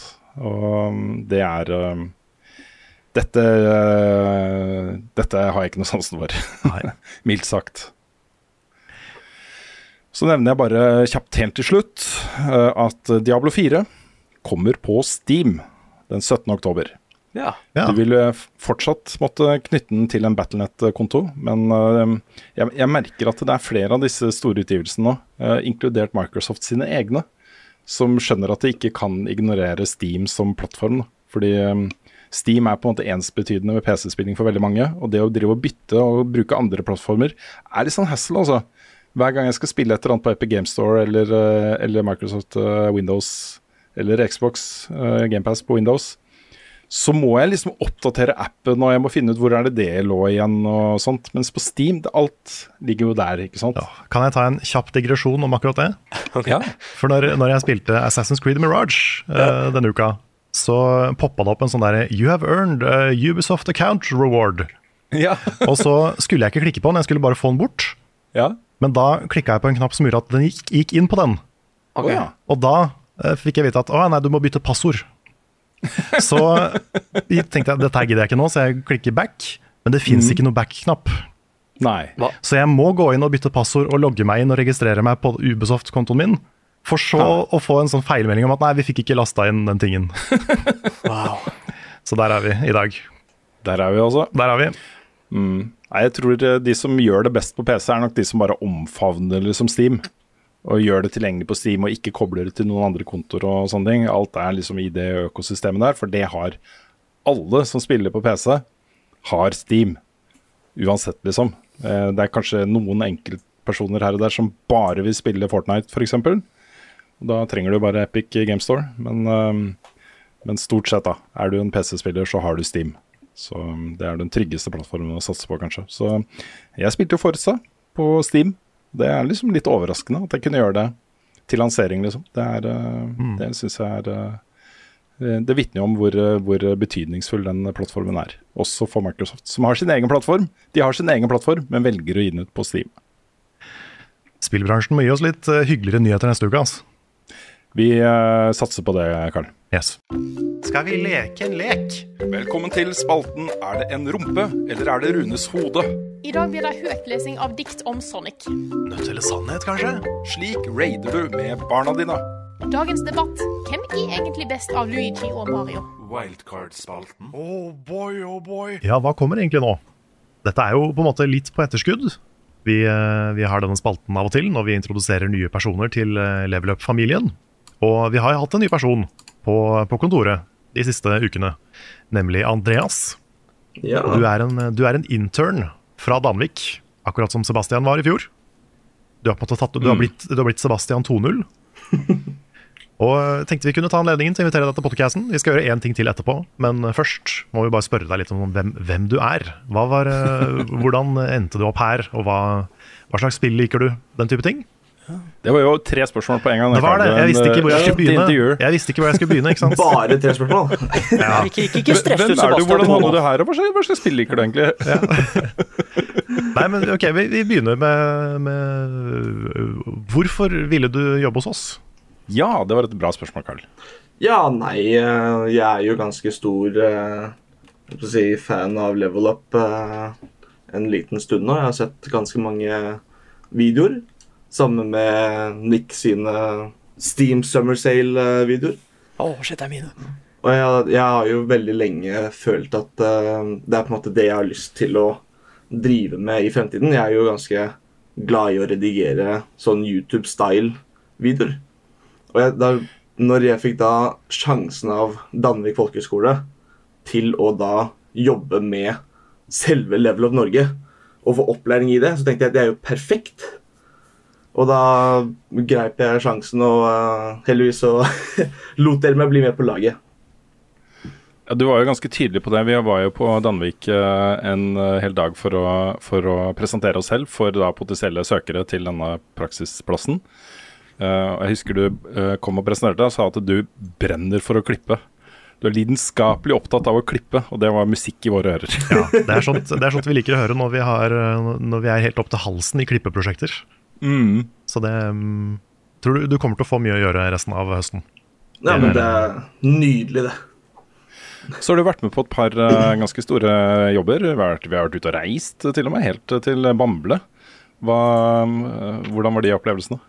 Nei, det var jo uh, veldig gøy. Det var jo som sagt en veldig lang tur. Og, men ja, det er kjempekoselig. Altså, det var det tolv timer arbeidsdag det ble til slutt, eller et eller annet sånt.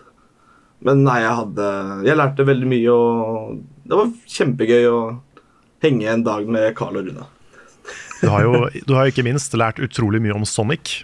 Ja.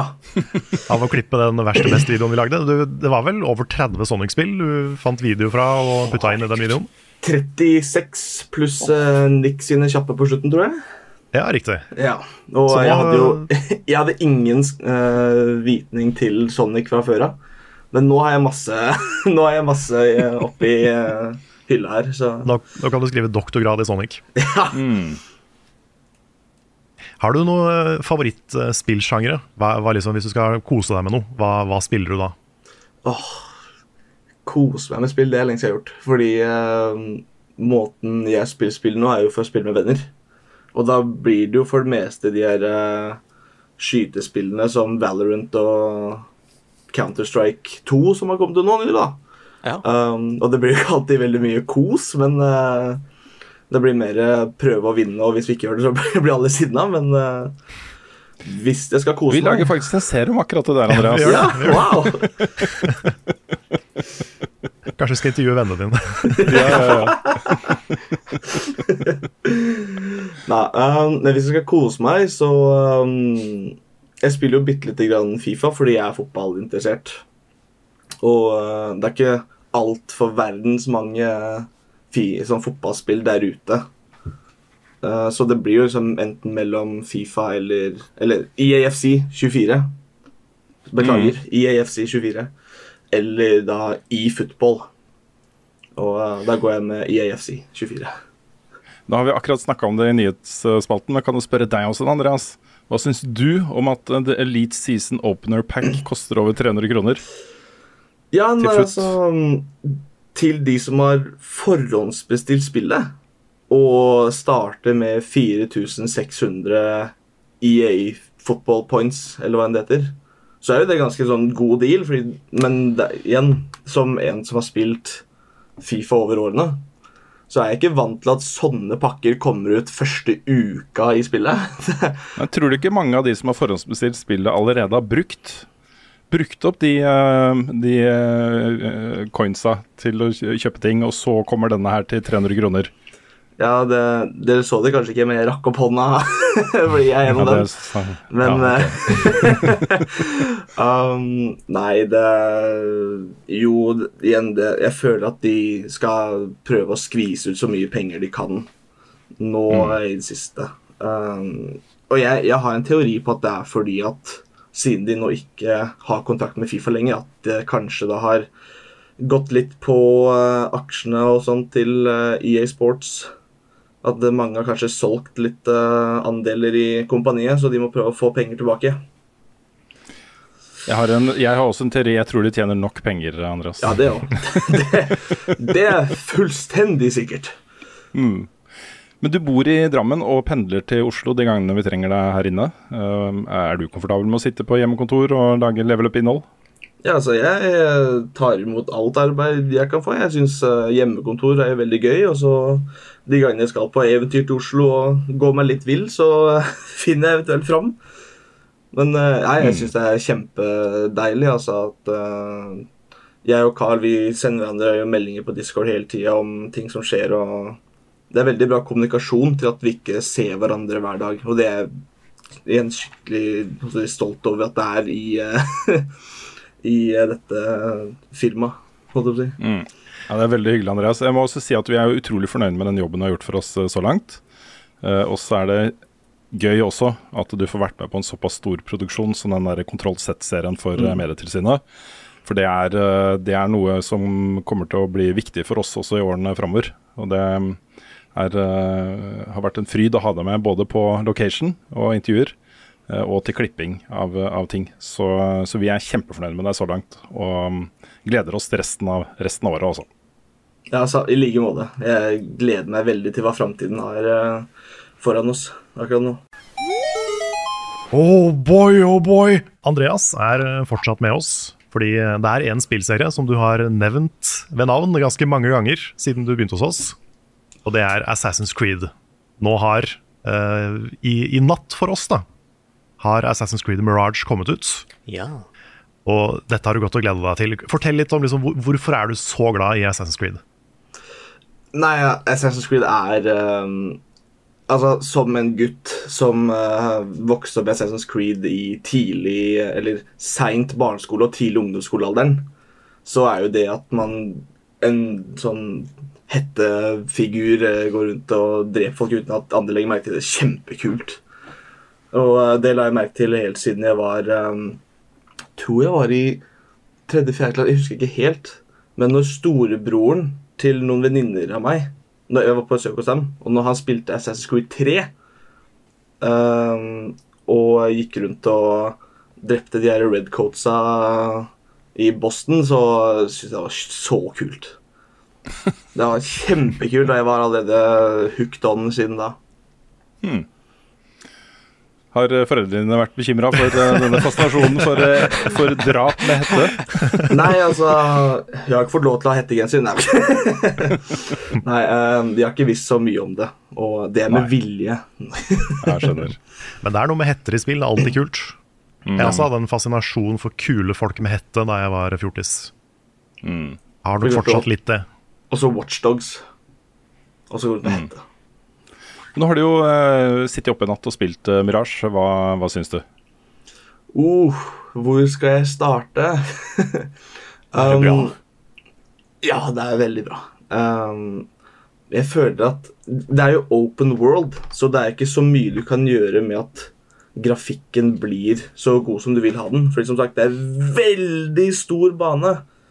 Og for at ikke bare NASA kan spille spillet ditt, så må du jo det med, ta det litt med ro med um, hvordan det ser ut. Uh, og det ser jeg litt når uh, i liksom cutscenes når noen prater, at uh, det er ikke akkurat Rockstar Games uh, face rig, men uh, altså, jeg, jeg syns at det, det, det mimrer veldig tilbake til egentlig Assassin's Creed 1, til eneren. Originale. Det er litt sånn tematisk callback til eneren, det er det. Ja. Absolutt. Men du kan jo bruke hette, og du kan drepe folk, Andreas. Ja. Det kan du. I aller høyeste grad. Jeg har en veldig Jeg skal bare med én setning, en ting jeg bare gleder meg sjukt til. Ja. Okay. Det er, det er gøy, det dukker opp sånne ting hele tiden. Men eh, setningen er da uh, sesong fire av For All Mankind kommer 10. november. Å, dæven, den har jeg begynne å se på nå. Hva er hennes best, hvordan fredag sist? Har Carl egentlig sopp? Ukens spørsmål. Vi starter med et spørsmål fra Trond Moum Gulbrandsen. Han spør det er eh, Det å ha mye å gjøre på jobb er noe mange kan kjenne seg igjen i. Dere har til tider veldig mye å gjøre, og jeg lurer derfor på om dette har en forstyrrende effekt på anmeldelser av spill. Får dere den fokusen og tiden dere trenger til å gjøre de riktige vurderingene? Karakter slash mening har jo endra seg før, f.eks. Runes anmeldelse av Death Stranding etter å ha gitt det mer tid. Som alltid, dere gjør en knakende god, god jobb. Tusen takk. Det er fint han trekker fram det ene eksempelet da, som jeg har snakka om. Ja, Ja, men dette er et bra spørsmål, altså. ja veldig bra spørsmål. Fordi mm. jeg, har, jeg har et par som jeg angrer på liksom i ettertid. Og er det? Okay. Ja, Ja, eller, du skulle litt høyere til Returnal? Nei, ikke akkurat den. Der er jeg egentlig ganske litt sikker. Men, men uh, det, det beste eksempelet er jo Pray, blant annet. Mm. Hvor jeg, jeg, jeg er fortsatt sånn Du ga det ikke tid, altså. Du er så dum! For du gjorde så mye smart, og jeg bare, og jeg bare visste det ikke, for jeg måtte liksom forte meg bli ferdig med det spillet. Og jeg tenker også litt på Ghost of Tsushima. I hvert fall når det dukker opp så mye open world-spill i ettertid. At eh, wow, de hadde faktisk en ganske spennende verden, ass. Og den historien fenga meg hele veien. Og var bra, liksom. Og soundtracket var skikkelig stilig. Så det er, jeg kjenner det veldig, altså. I hvert fall når vi har en embargo vi må rekke og sånn, at jeg burde kanskje ha latt det synke i et par dager. Jeg er så stressa på Spiderman, dere, for jeg håper vi får kode, ass. Er sånn bare, kan, jeg håper vi får det tidlig nok til at man kan lage anmeldelsen, og så kan det ligge litt. Ligge et par Ja. dager for å være helt sikker, så jeg ikke er bitt av hypen eller et eller annet sånt. Da. Det er alltid bedre å kunne ta seg litt tid til å fordøye noe etterpå. Ja, ja, ja. Ja, uten tvil. Nei, også, eh, eh, Trond har jo et poeng.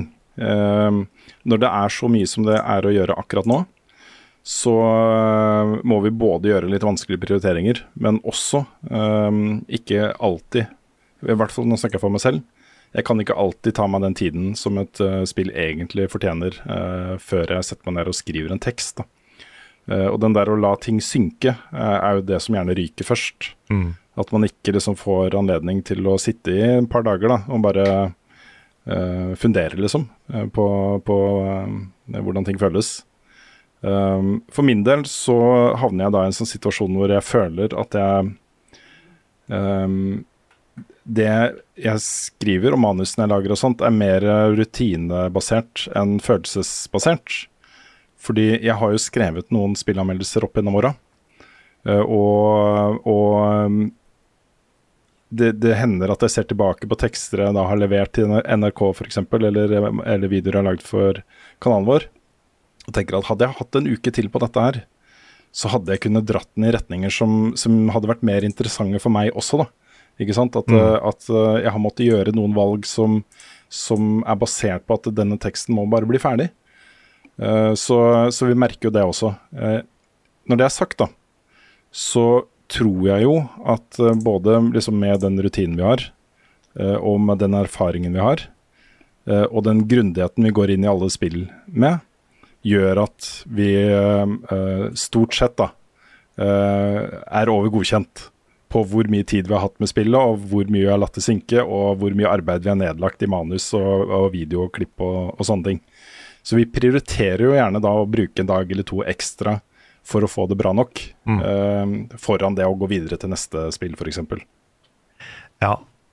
Det hender jo at jeg anmelder spill mens jeg enten er kjempestressa eller bare har en kjip periode, liksom. Mm.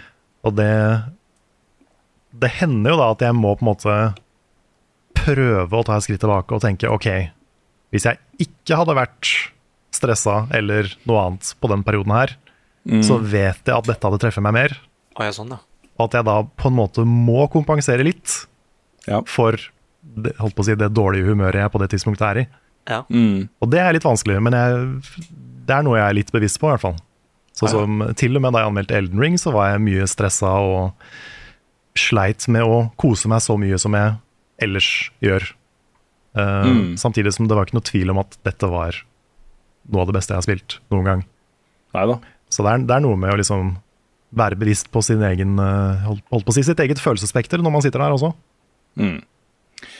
Og så er det jo sånn at vi gjennom den høsten her så har vi jo fått en del spørsmål fra folk. Hvor blir det av det, hvorfor gjør dere ikke det, ikke sant? Eh, hvorfor har dere ikke anmeldt det, osv. Men det er jo rett og slett fordi vi kan ikke gjøre alt. Og vi er jo veldig opptatt av at eh, når vi først skal gjøre noe, så er det bedre at vi prioriterer bort noe som vi også har lyst til å gjøre, enn at vi gjør begge deler halvveis. Um, og derfor så blir det noen hull, da. Uh, selv om vi nå er mange anmeldere, og selv om um, selv om det er mye uh, vi har lyst til å gjøre, så, så, må vi ta noen prioriteringer, rett og slett. Og det er viktigere, tenker jeg, da, å lage ting vi kan stå inne for og vi er fornøyd med, um, og som er grundig nok, enn at vi bare surfer over alt mulig rart. Så det hender jo, i hvert fall i sanne perioder som dette her, at jeg kjøper et spill, spiller det en time eller to, uh, snakker om det i podkasten, og så blir det kanskje ikke noe mer, da. Uh, men da har jeg gitt det i hvert fall en tid som er mulighet til å sette av til det, sånn som jeg forutsa nå f.eks. Eller Kokun. Nå kommer det jo anmeldelse av Kokun, og kanskje til og med forutsa også. Men, men, da har vi i hvert fall fått gjort noe på det, uten at vi trenger å sette av en uke liksom, av tiden vår til å gjøre det. Men ja. Jeg, vi er jo litt sånn generelt overarbeida nå. Det det. og den delen av spørsmålet treffer meg litt. Det Fordi, absolutt. Ja den, eh, den, serien vi jobber med, tar mye tid og energi. Mm. Pluss andre prosjekter vi har på sida. Ja. Så eh, det er eh, Den høsten her er utfordrende, altså. Mm. Den er tøff. Det er den. Men jeg tror vi skal lande greit også. Og etter 13.11, altså det er lanseringen for serien, så får vi forhåpentligvis en måned med med litt ro til å spille alle de greiene vi har gått glipp av. Ja, vi må jo, holdt på å si, vi må jo få med oss dette spillåret. Det de delene vi ikke har fått med oss. Ja, det er akkurat det. Alle disse never ending, svære spilla. Mm. Men, det, men uh, til dette med også eksempelet med Death Stranding. Dette er jo Det var et unntak. Jeg håper folk har liksom fått med seg at det er et unntak, at det er så stor variasjon på en opplevelse av et spill. Mm. Det, er, det, har skjedd kanskje bare uh, de snart 26 årene, eller 5, 25, ja, 26 pluss årene jeg har anmeldt spill, har det skjedd kanskje tre ganger fire ganger hvor jeg har endra, men ikke dramatisk, men i hvert fall endra oppfatning av et spill etter å ha spilt det en gang til. Etter oh. anmeldelse.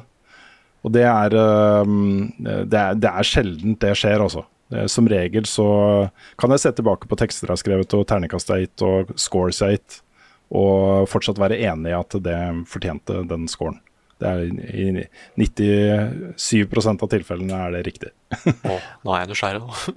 Ja. Det handla ikke, handla ikke Death Stranding også mye om at du forventa én ting fra Kojima og fikk en helt annen ting, og det tok litt tid før, det, før, før du varma deg opp til det? Ja, sånn i, i etterpåklokskapens navn så er det nok litt av det. Um, fordi uh, jeg Og det, det kan jeg si fortsatt, da, for jeg endte jo opp med å gi det åtte av ti. Eh, ikke noe høyere enn det, liksom. Det var åtte av ti som det endte opp med å bli for meg. Uh, og det er jo fordi jeg fortsatt ikke er helt glad i måten den historien her ble fortalt på. Jeg syns det var utrolig mye um, um, Hva heter det? Pjatt.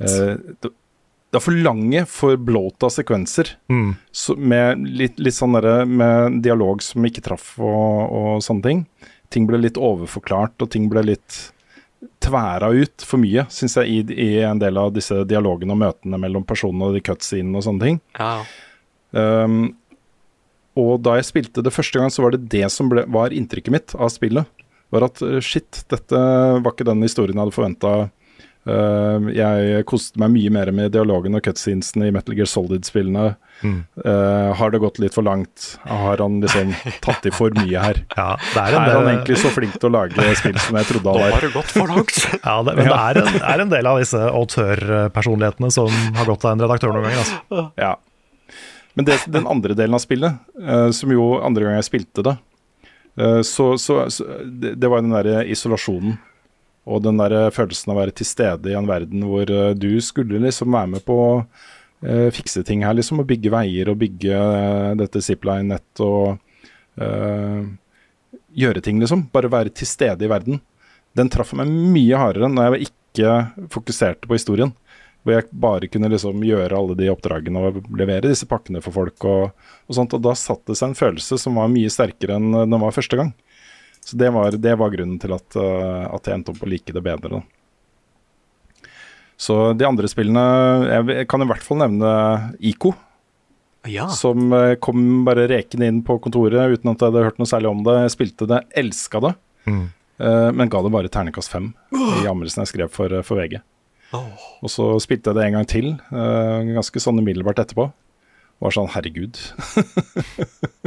så den var litt sånn umiddelbar. Den, eh, det var en opplevelse som virkelig vokste på meg eh, etterpå, hvor jeg kunne liksom skjønne da hvor, hvor eh, sterk opplevelse det egentlig var for meg.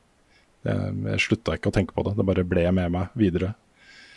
Så, så det var et eksempel. Eh, Jeg har sikkert andre eksempler. Det første året vi var indie, så starta jeg jo med en ti av ti-anmeldelse av The Witness. Ja, men altså Ja, også, ja, ja, det kan godt tenkes at det fortjener det, men så uh, gjorde jeg det samme med Uncharted 4. Og så kom Inside, og så kom uh, The Last Guardian. Ja, Og så ble det fire ti av ti det første året vi var indie. ja Jeg, husker, jeg husker du, du var var litt sånn misfornøyd for det. Jeg syns jo du fint kan forsvare de fire tierne, da. Ja, du kan forsvare de, men jeg kan ikke helt det, da. Okay. Av de fire opplevelsene så er det egentlig Hvis jeg skal være helt ærlig med meg selv, så ville jeg nok bare gitt Inside ti av ti. Eh, og sånn i ettertid, etter det året, så har jo ti av ti sittet mye lenger inne hos meg. Det skal mye mer til før jeg går helt dit, da. Det er litt lettere å gi terningkast seks enn å gi ti av ti, for terningkast seks er på en måte 9,5 av ti også, ikke sant. Ja. Men, eh, men eh, fire ti av ti på én enkelt anmelder i løpet av ett år er for mye. Det er for mye, folkens. Kommer litt an på året, da. Ja, det er det jeg litt kommer litt der. an på det. Det er, det Ja. er jo sant, det. er- Det er sant, det. Men uh, min største blunder var når jeg ga terningkast fire til Epic Mickey 2. Okay. Det var, da var jeg såpass fersk som anmelder at jeg turte ikke helt å gi det den slakten som det egentlig fortjente. Oh, ja, Mm. ok. For det var, det var nok nærmere en to enn en fire. Ja. Wow. Så det, da var jeg noob, og jeg skjønte ikke Jeg turte ikke helt å stole på at jeg ikke koste meg. på en måte Jeg trodde jeg, trodde jeg var problemet mer enn spillet. Ja. Så jeg skjønte i ettertid at nei, spillet var ikke så veldig bra. Ja, Nei, men det, man lærer så lenge man lever. Man det, er det. ikke, det, det er jo bare en persons mening. Og personer, personers meninger kan, kan jo endres over tid, det også. Det hadde Absolutt. vært eh, synd hvis ikke vi utvikla oss. Jeg husker første gang jeg hørte 'Appetite for Destruction' av Guns N' Roses. Så jeg sa herregud, det er bare bråk. Dette likte jeg ikke. Sånn dunk-dunk-musikk. Det er sånn dunk-dunk-musikk. Hva er det ungdommen hører på nå i dag? Men det har jeg endt opp med å bli et av mine all time favorittalbum. Mm. Det var sånn, det la jeg bort. Jeg hørte det én gang, var sånn nei. Og så tok jeg det opp igjen noen måneder etterpå og var sånn ja. så ja. Yes. Litt i samme gate. Ok. Eh, som det første forrige spørsmålet, så har jeg et spørsmål fra Silakoid. Han spør Why no Nihon Falcom? Nesten alt de utgir ender opp som kandidater for topp 20 of all time for meg. Men de har aldri blitt nevnt av Level Up. Eh, selv om de har sluppet fire spill i år, eh, så har de ikke engang blitt tatt med i oppstigninger av kommende releases. What? Det er eh, litt sånn som med Yakuza-serien, så er det et høl for meg. Okay. Dette er jo de som har laga Trails-spillene. Og det er sånne massive gigaspill som jeg har hørt masse masse bra om, men jeg har aldri hatt tid til å sette meg ned og spille de. Mm. Så jeg er, eh, jeg er bevisst på at de fins. Jeg, jeg tror til og med jeg har et av de på Steam, men eh, det er en sånn der, eh, et sånt gigaprosjekt som jeg ikke har hatt sjans til å sette meg ned med. Så beklager beklager det til alle fans av Trails. En gang håpe at jeg får tid, Mm. men too many games, altså. Nei, samme her, altså. At jeg veit det fins.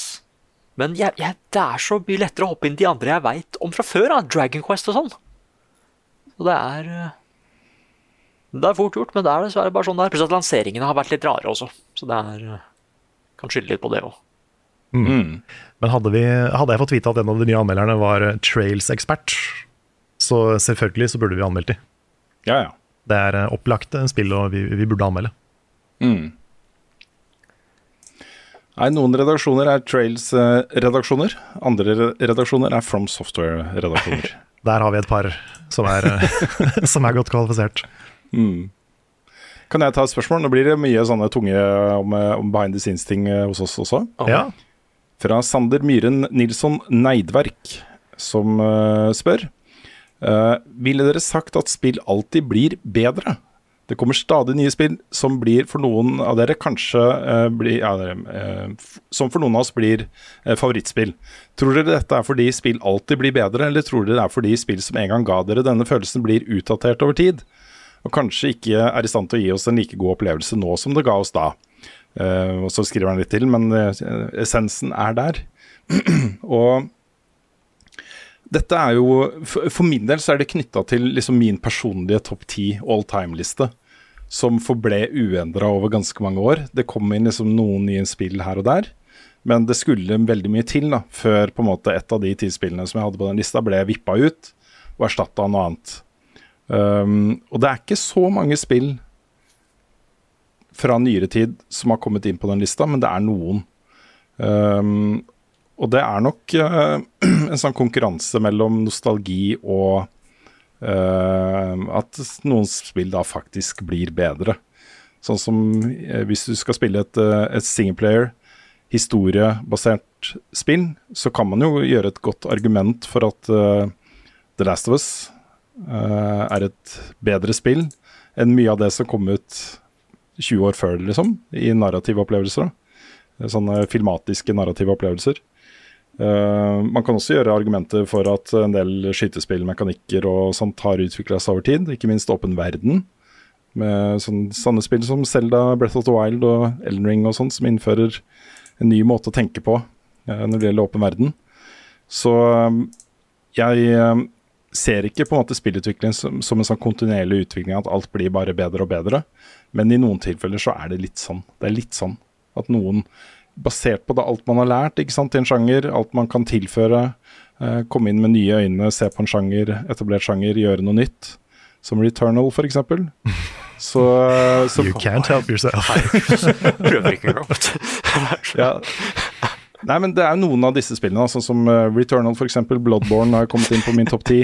Um, eh, ja, det er flere eksempler eh, også fra nyere tid. Uh, Red, Dead, Red Dead Redemption 2 er nok på min uh, topp ti.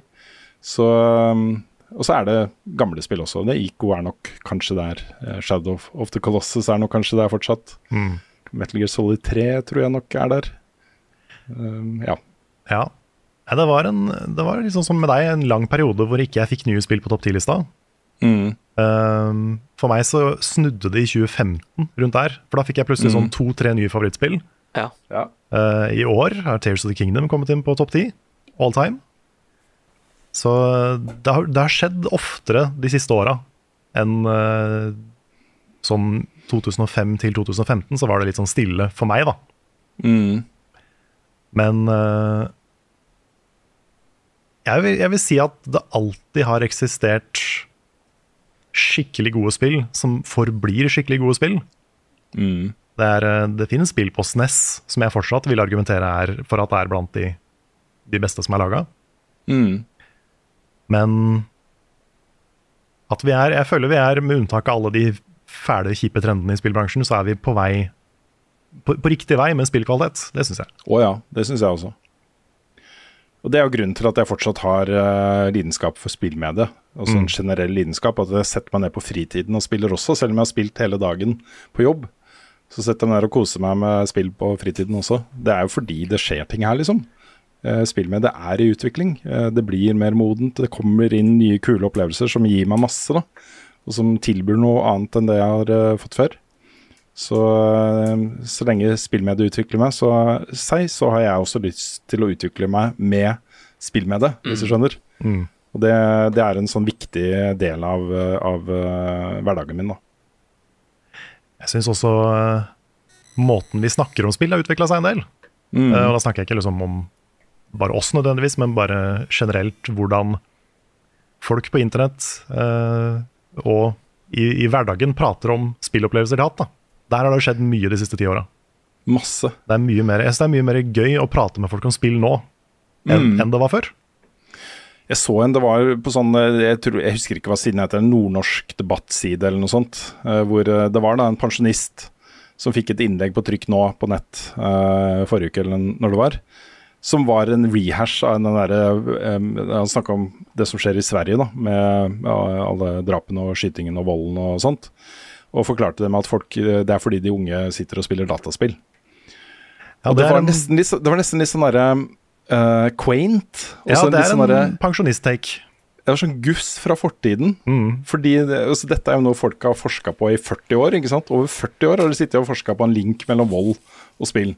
Det er ikke en eneste jævla undersøkelse som kan konkludere med at det er noen link der. Etter 40 år, altså, med iherdige forsøk på å få til det, og så kommer dette her inn. Og dette er grunnen til at uh, at det, det ble sånn guss. Altså Grunnen til at jeg reagerte på det, var rett og slett fordi for 15 år siden, 20 år siden, så kunne det være litt vanlig at du møtte den type holdninger til spill. Mm. Men nå oppleves det som ja, Selvfølgelig tar han feil, liksom. Dette er bare helt tullete. Det innlegget det er så dust. Og de fleste mener at det er dust. Det sitter ikke en sånn generell holdning om alle disse fordommene. De er på en måte litt luka ut, da. Så det går an også i, i offentlig diskurs går det an å snakke om spill som et kulturuttrykk, ikke sant. Mer enn eh, et fenomen eller en guttegreie eller et eller annet. Så mm. ja. Jeg tror det var da farge-TV kom, det var da vi ble gærne. Ja, det var nok det. Det var farge-TV-en som gjorde det. Mm, jeg vil, ja, det tror jeg. Nei, men det kommer alltids eh, nye bra spill. Så um, så lenge de gjør det, så er jeg til stede. Og sikkert komme inn flere neste til Housemark, f.eks. Kan jo komme på topp ti, det også. You never know. You never know. Har vi flere spørsmål, eller skal vi begynne å tenke på Runa? Å, kan jeg ta en? Ja, ta en, nikk. Det er et seriespørsmål, så klart. Fra Ja. eh, Christer Horne, som spør Har noen i redaksjonen sett Yellow Jackets? Dere pleier å ha god greie på serier, og hadde forventa å fått den opp som en soleklar anbefaling. Og dette er et litt sånn herre dø-spørsmål. Ikke som i du skal dø spørsmål, men en sånn dø. Vi har jo prata om Yellow Jackets. Gosh, Ja, vi har kanskje det. Vi har det. Jeg tror faktisk jeg har hatt en sånn anbefaling òg, ass. Og vi har jo alle sammen nå så klart sett Yellow Jackets. Selvsagt. Alle Ja, sammen, ja. ikke sant? Jeg så den rett etter at jeg fullførte um, Attack on Titan og Evangelion. Fy så, vi- vi- så er Yellow Jackets. Er, hvis du bare en dag tok en Attack on Titan-referanse, da hadde jeg faktisk vært sånn bare Å, herregud. Ja. ja, men det Da jeg hørte en Cobra Kai-referanse fra Nick, da ble jeg ordentlig glad. Altså. Ja. Er tegn, ikke sant? For at, ja, Ja. Nå er det vinner du. Har, du har faktisk gjort det. Nei, altså, Nei, jeg har Nei, sorry. Nei, jeg sorry. Nei, for så er det at uh, mm, Yellow Jacket har blitt Emmy-nominert og ting og tang òg, ikke sant? Så jeg føler at den, er, Mm. den gjør veldig mye riktig, syns jeg. Så jeg håper, jeg håper virkelig den uh, får fortalt hele historien sin, altså. Altså Den der beste dramakategorien i årets Emmy er jo helt sjuk. Det er jo uh, Better Call Saul, det er Succession, det er Yellow Jackets, det er uh, The White Lotus, Mm. The Last of Us er der, uh, Andor er der. Uh, hva har jeg glemt nå, Nick? House of the Dragon. House of the Dragon er der, og så er det en til, tror jeg. Uh, jeg holdt på å si uh, Jeg holdt på å si Pretty Little Nei, hva var ja, det? er en til, tror jeg. Jeg skal, ehm, jeg skal, se, jeg skal se nå. Det er Andor, Better Call Saul, Yellow Jackets, House of Dragon The Crown er det. The Crown. The Crown, ok. Ja, Ja, det er helt The Last of the Succession og The White Lotus. Det er jo ikke akkurat det er helt vill kvalitet på serier. Ja, dette er i år, liksom. Ja, ja det er sjukt. Nå er jo Sex Education har jeg begynt igjen, og også syns sesong fire er kjempebra. Så langt. Ja, Det blir spennende å følge med på dette. her også. Når er det det er, egentlig? Når er det MU-utdelinga? Er det ikke det nå? Holdt på å si november-ish, men kanskje jeg husker helt feil. Nei, ja, ok, skal se, det står 2024 her, står det. Men uh... Ja, uansett. Yeah. Jeg, jeg skal se Yellow Jackets. Det er flere som har anbefalt den, inkludert deg, Nick, her i podkasten. den står eh, definitivt på lista mi også. Ja, for den er sånn Sammen med Attack on Titan Åh, og Evangelion. Og Evangelion. ah, Igjen, både liksom Evangelion og Attack on Titan. Det er så mye Rune liker der, altså. Ja. Oh Og Evangelion er ganske kort òg, så den kan du liksom smygge inn på noen oh, nei, ikke, kvelder. ikke si det! Han kommer til å prioritere den, vet du. Og så glemmer han Attack on Titan. Det blir ganske, ganske lang nå. Men i hvert fall Men med Yellow Jacket ja, det- det kan kanskje ta litt tid før du kommer ordentlig i gang. Men den er en sånn Det er en sånn Lost-serie med at det her er mysterier overalt. La oss prøve å finne litt ut av hva som skjer her, da. Jeg tror dette er liksom frempek til en fremtidig O'boy Boy Oh O'boy-spalte, da. Men uh, en av de seriene jeg gleder meg mest akkurat nå, er den nye sesongen av, av um, uh, Tr- eh, True Detective. Å ja. Med Jodie Foster og Alaska og greier. Det kan bli fett, altså. Ja, det er noe spennende. Er det- i år, eller er det neste år? Det er januar, tror jeg. Ja, ok. Å, herregud, det er den og The Three Body Problem, da. Mm. Wow. Og så kommer det en ny sesong av Fargo også, med John Ham. Å, så kult. Oi, det visste ikke jeg heller. Å, det er stilig. Det er gøy med serier, altså. Det er så mye mat. Det er det. Mm. Rekker ikke å spise alt. Nei, Castlevania, jeg må se den nå. vet. Ja, den har jeg begynt på, bare så vidt. Ja. Ja, er det bra? Det er bra så langt. Det, det. Jeg, det, det har ikke kommet ordentlig i gang ennå, men det er, det er Castlevania. Ja, stilig. Men ja. Det var, det var det vi hadde for denne uka. Ja. Ja. Da runder vi av med å si at dette har vært en podkast utgitt av moderne media. Eh, Låten i introen og eh, outroen er skrevet av Ole Sonnik Larsen og arrangert og framført av Kyosho Orchestra. Vignetten er lagd av fantastiske Martin Herfjord. Du finner eh, så å si alt vi lager på YouTube-kanalen vår Level Up eh, Norge. youtube.com slash levelupnord. Det har vært streama masse på twitch.tv slash levelupnord i det siste. Hver dag. Ja, hver dag fra Rune og Svens. Mhm. De har holdt det gående, ass. Og det blir eh, ikke minst en lang stream da neste fredag. Fredag den 13. skal vi streame i 24 timer for Redd Barna. Mm. Så eh, check a look, og eh, doner til en kjempegod sak hvis du har eh, økonomi til det. Ja, der, der håper jeg at vi skal vise hele Norge hvor uh, gavmilde og, og hvor, uh, hvor eh, verdensbevisste gamere her, Norske gamere her. Mm. Det er målet. Og eh, litt sånn klein Segway, apropos gavmilde gamere, så har vi også en Patreon. Ja, vel. Patreon.com slash Norge. Så hvis du har eh, økonomi av seg til at eh, vår redaksjon kan fortsette å dekke spill på den måten vi gjør, så setter vi kjempepris på alle som backer oss der. Mm. Ja, det er, eh, det er helt livsviktig for oss, uten tvil. Så tusen takk. Tusen takk. Så har vi en Discord. Discord.gg slash levelupnorge. Der kan du joine vårt eh, trivelige community. Og det tror jeg var alle tinga. Nei, vi har også en webshop. Oh, ja. Levelupnorge.myspreadshop.no. Der har vi merch. Mm. Kan jeg skyte inn en liten sånn brannfakkel eh, sånn helt eh, til slutt? Sånn mat til ettertanke. For eh, så kan folk liksom sitte og koke litt i hodet mens de lar eh, outro-vignetten gå og sånne ting. Ok? Jeg ser her en opinion piece på Eurogamer med tittelen Cyberpunks storytelling makes Starfield seem ancient. Oi. Det, var en, det var en hot take å kaste ut på slutten av podcasten. Altså. Ja. Det var ikke din hot take, men er du enig, liksom? Uh, altså, jeg, det, det er veldig satt på spissen. Ja. Men hvis du ser hvis du, hvis du spiller Cyberpunk 2077, og i hvert fall Phantom Liberty, men også de andre store historieoppdragene og interaksjonene med rollefigurer og sånt i Cyberpunk, det er best in class, altså. Det er uh, i åpen verden-sammenheng. Uh, det er ingenting som er bedre Ja, kanskje Red Dead Redemption 2. Men uh, Ikke bedre, da, men kanskje like bra. Jeg er spent Men herregud, om- også det er så bra i Cyberpunk. Akkurat den delen av Cyberpunk er så god. Jeg er spent på om Boulders Gate 3 blir nevnt i denne artikkelen her. Um, ja, det vet jeg ikke. Det er jo Jeg- jeg apple juice og orange juice. saken. det Vi, vi, kan ikke, vi kan ikke begynne, altså.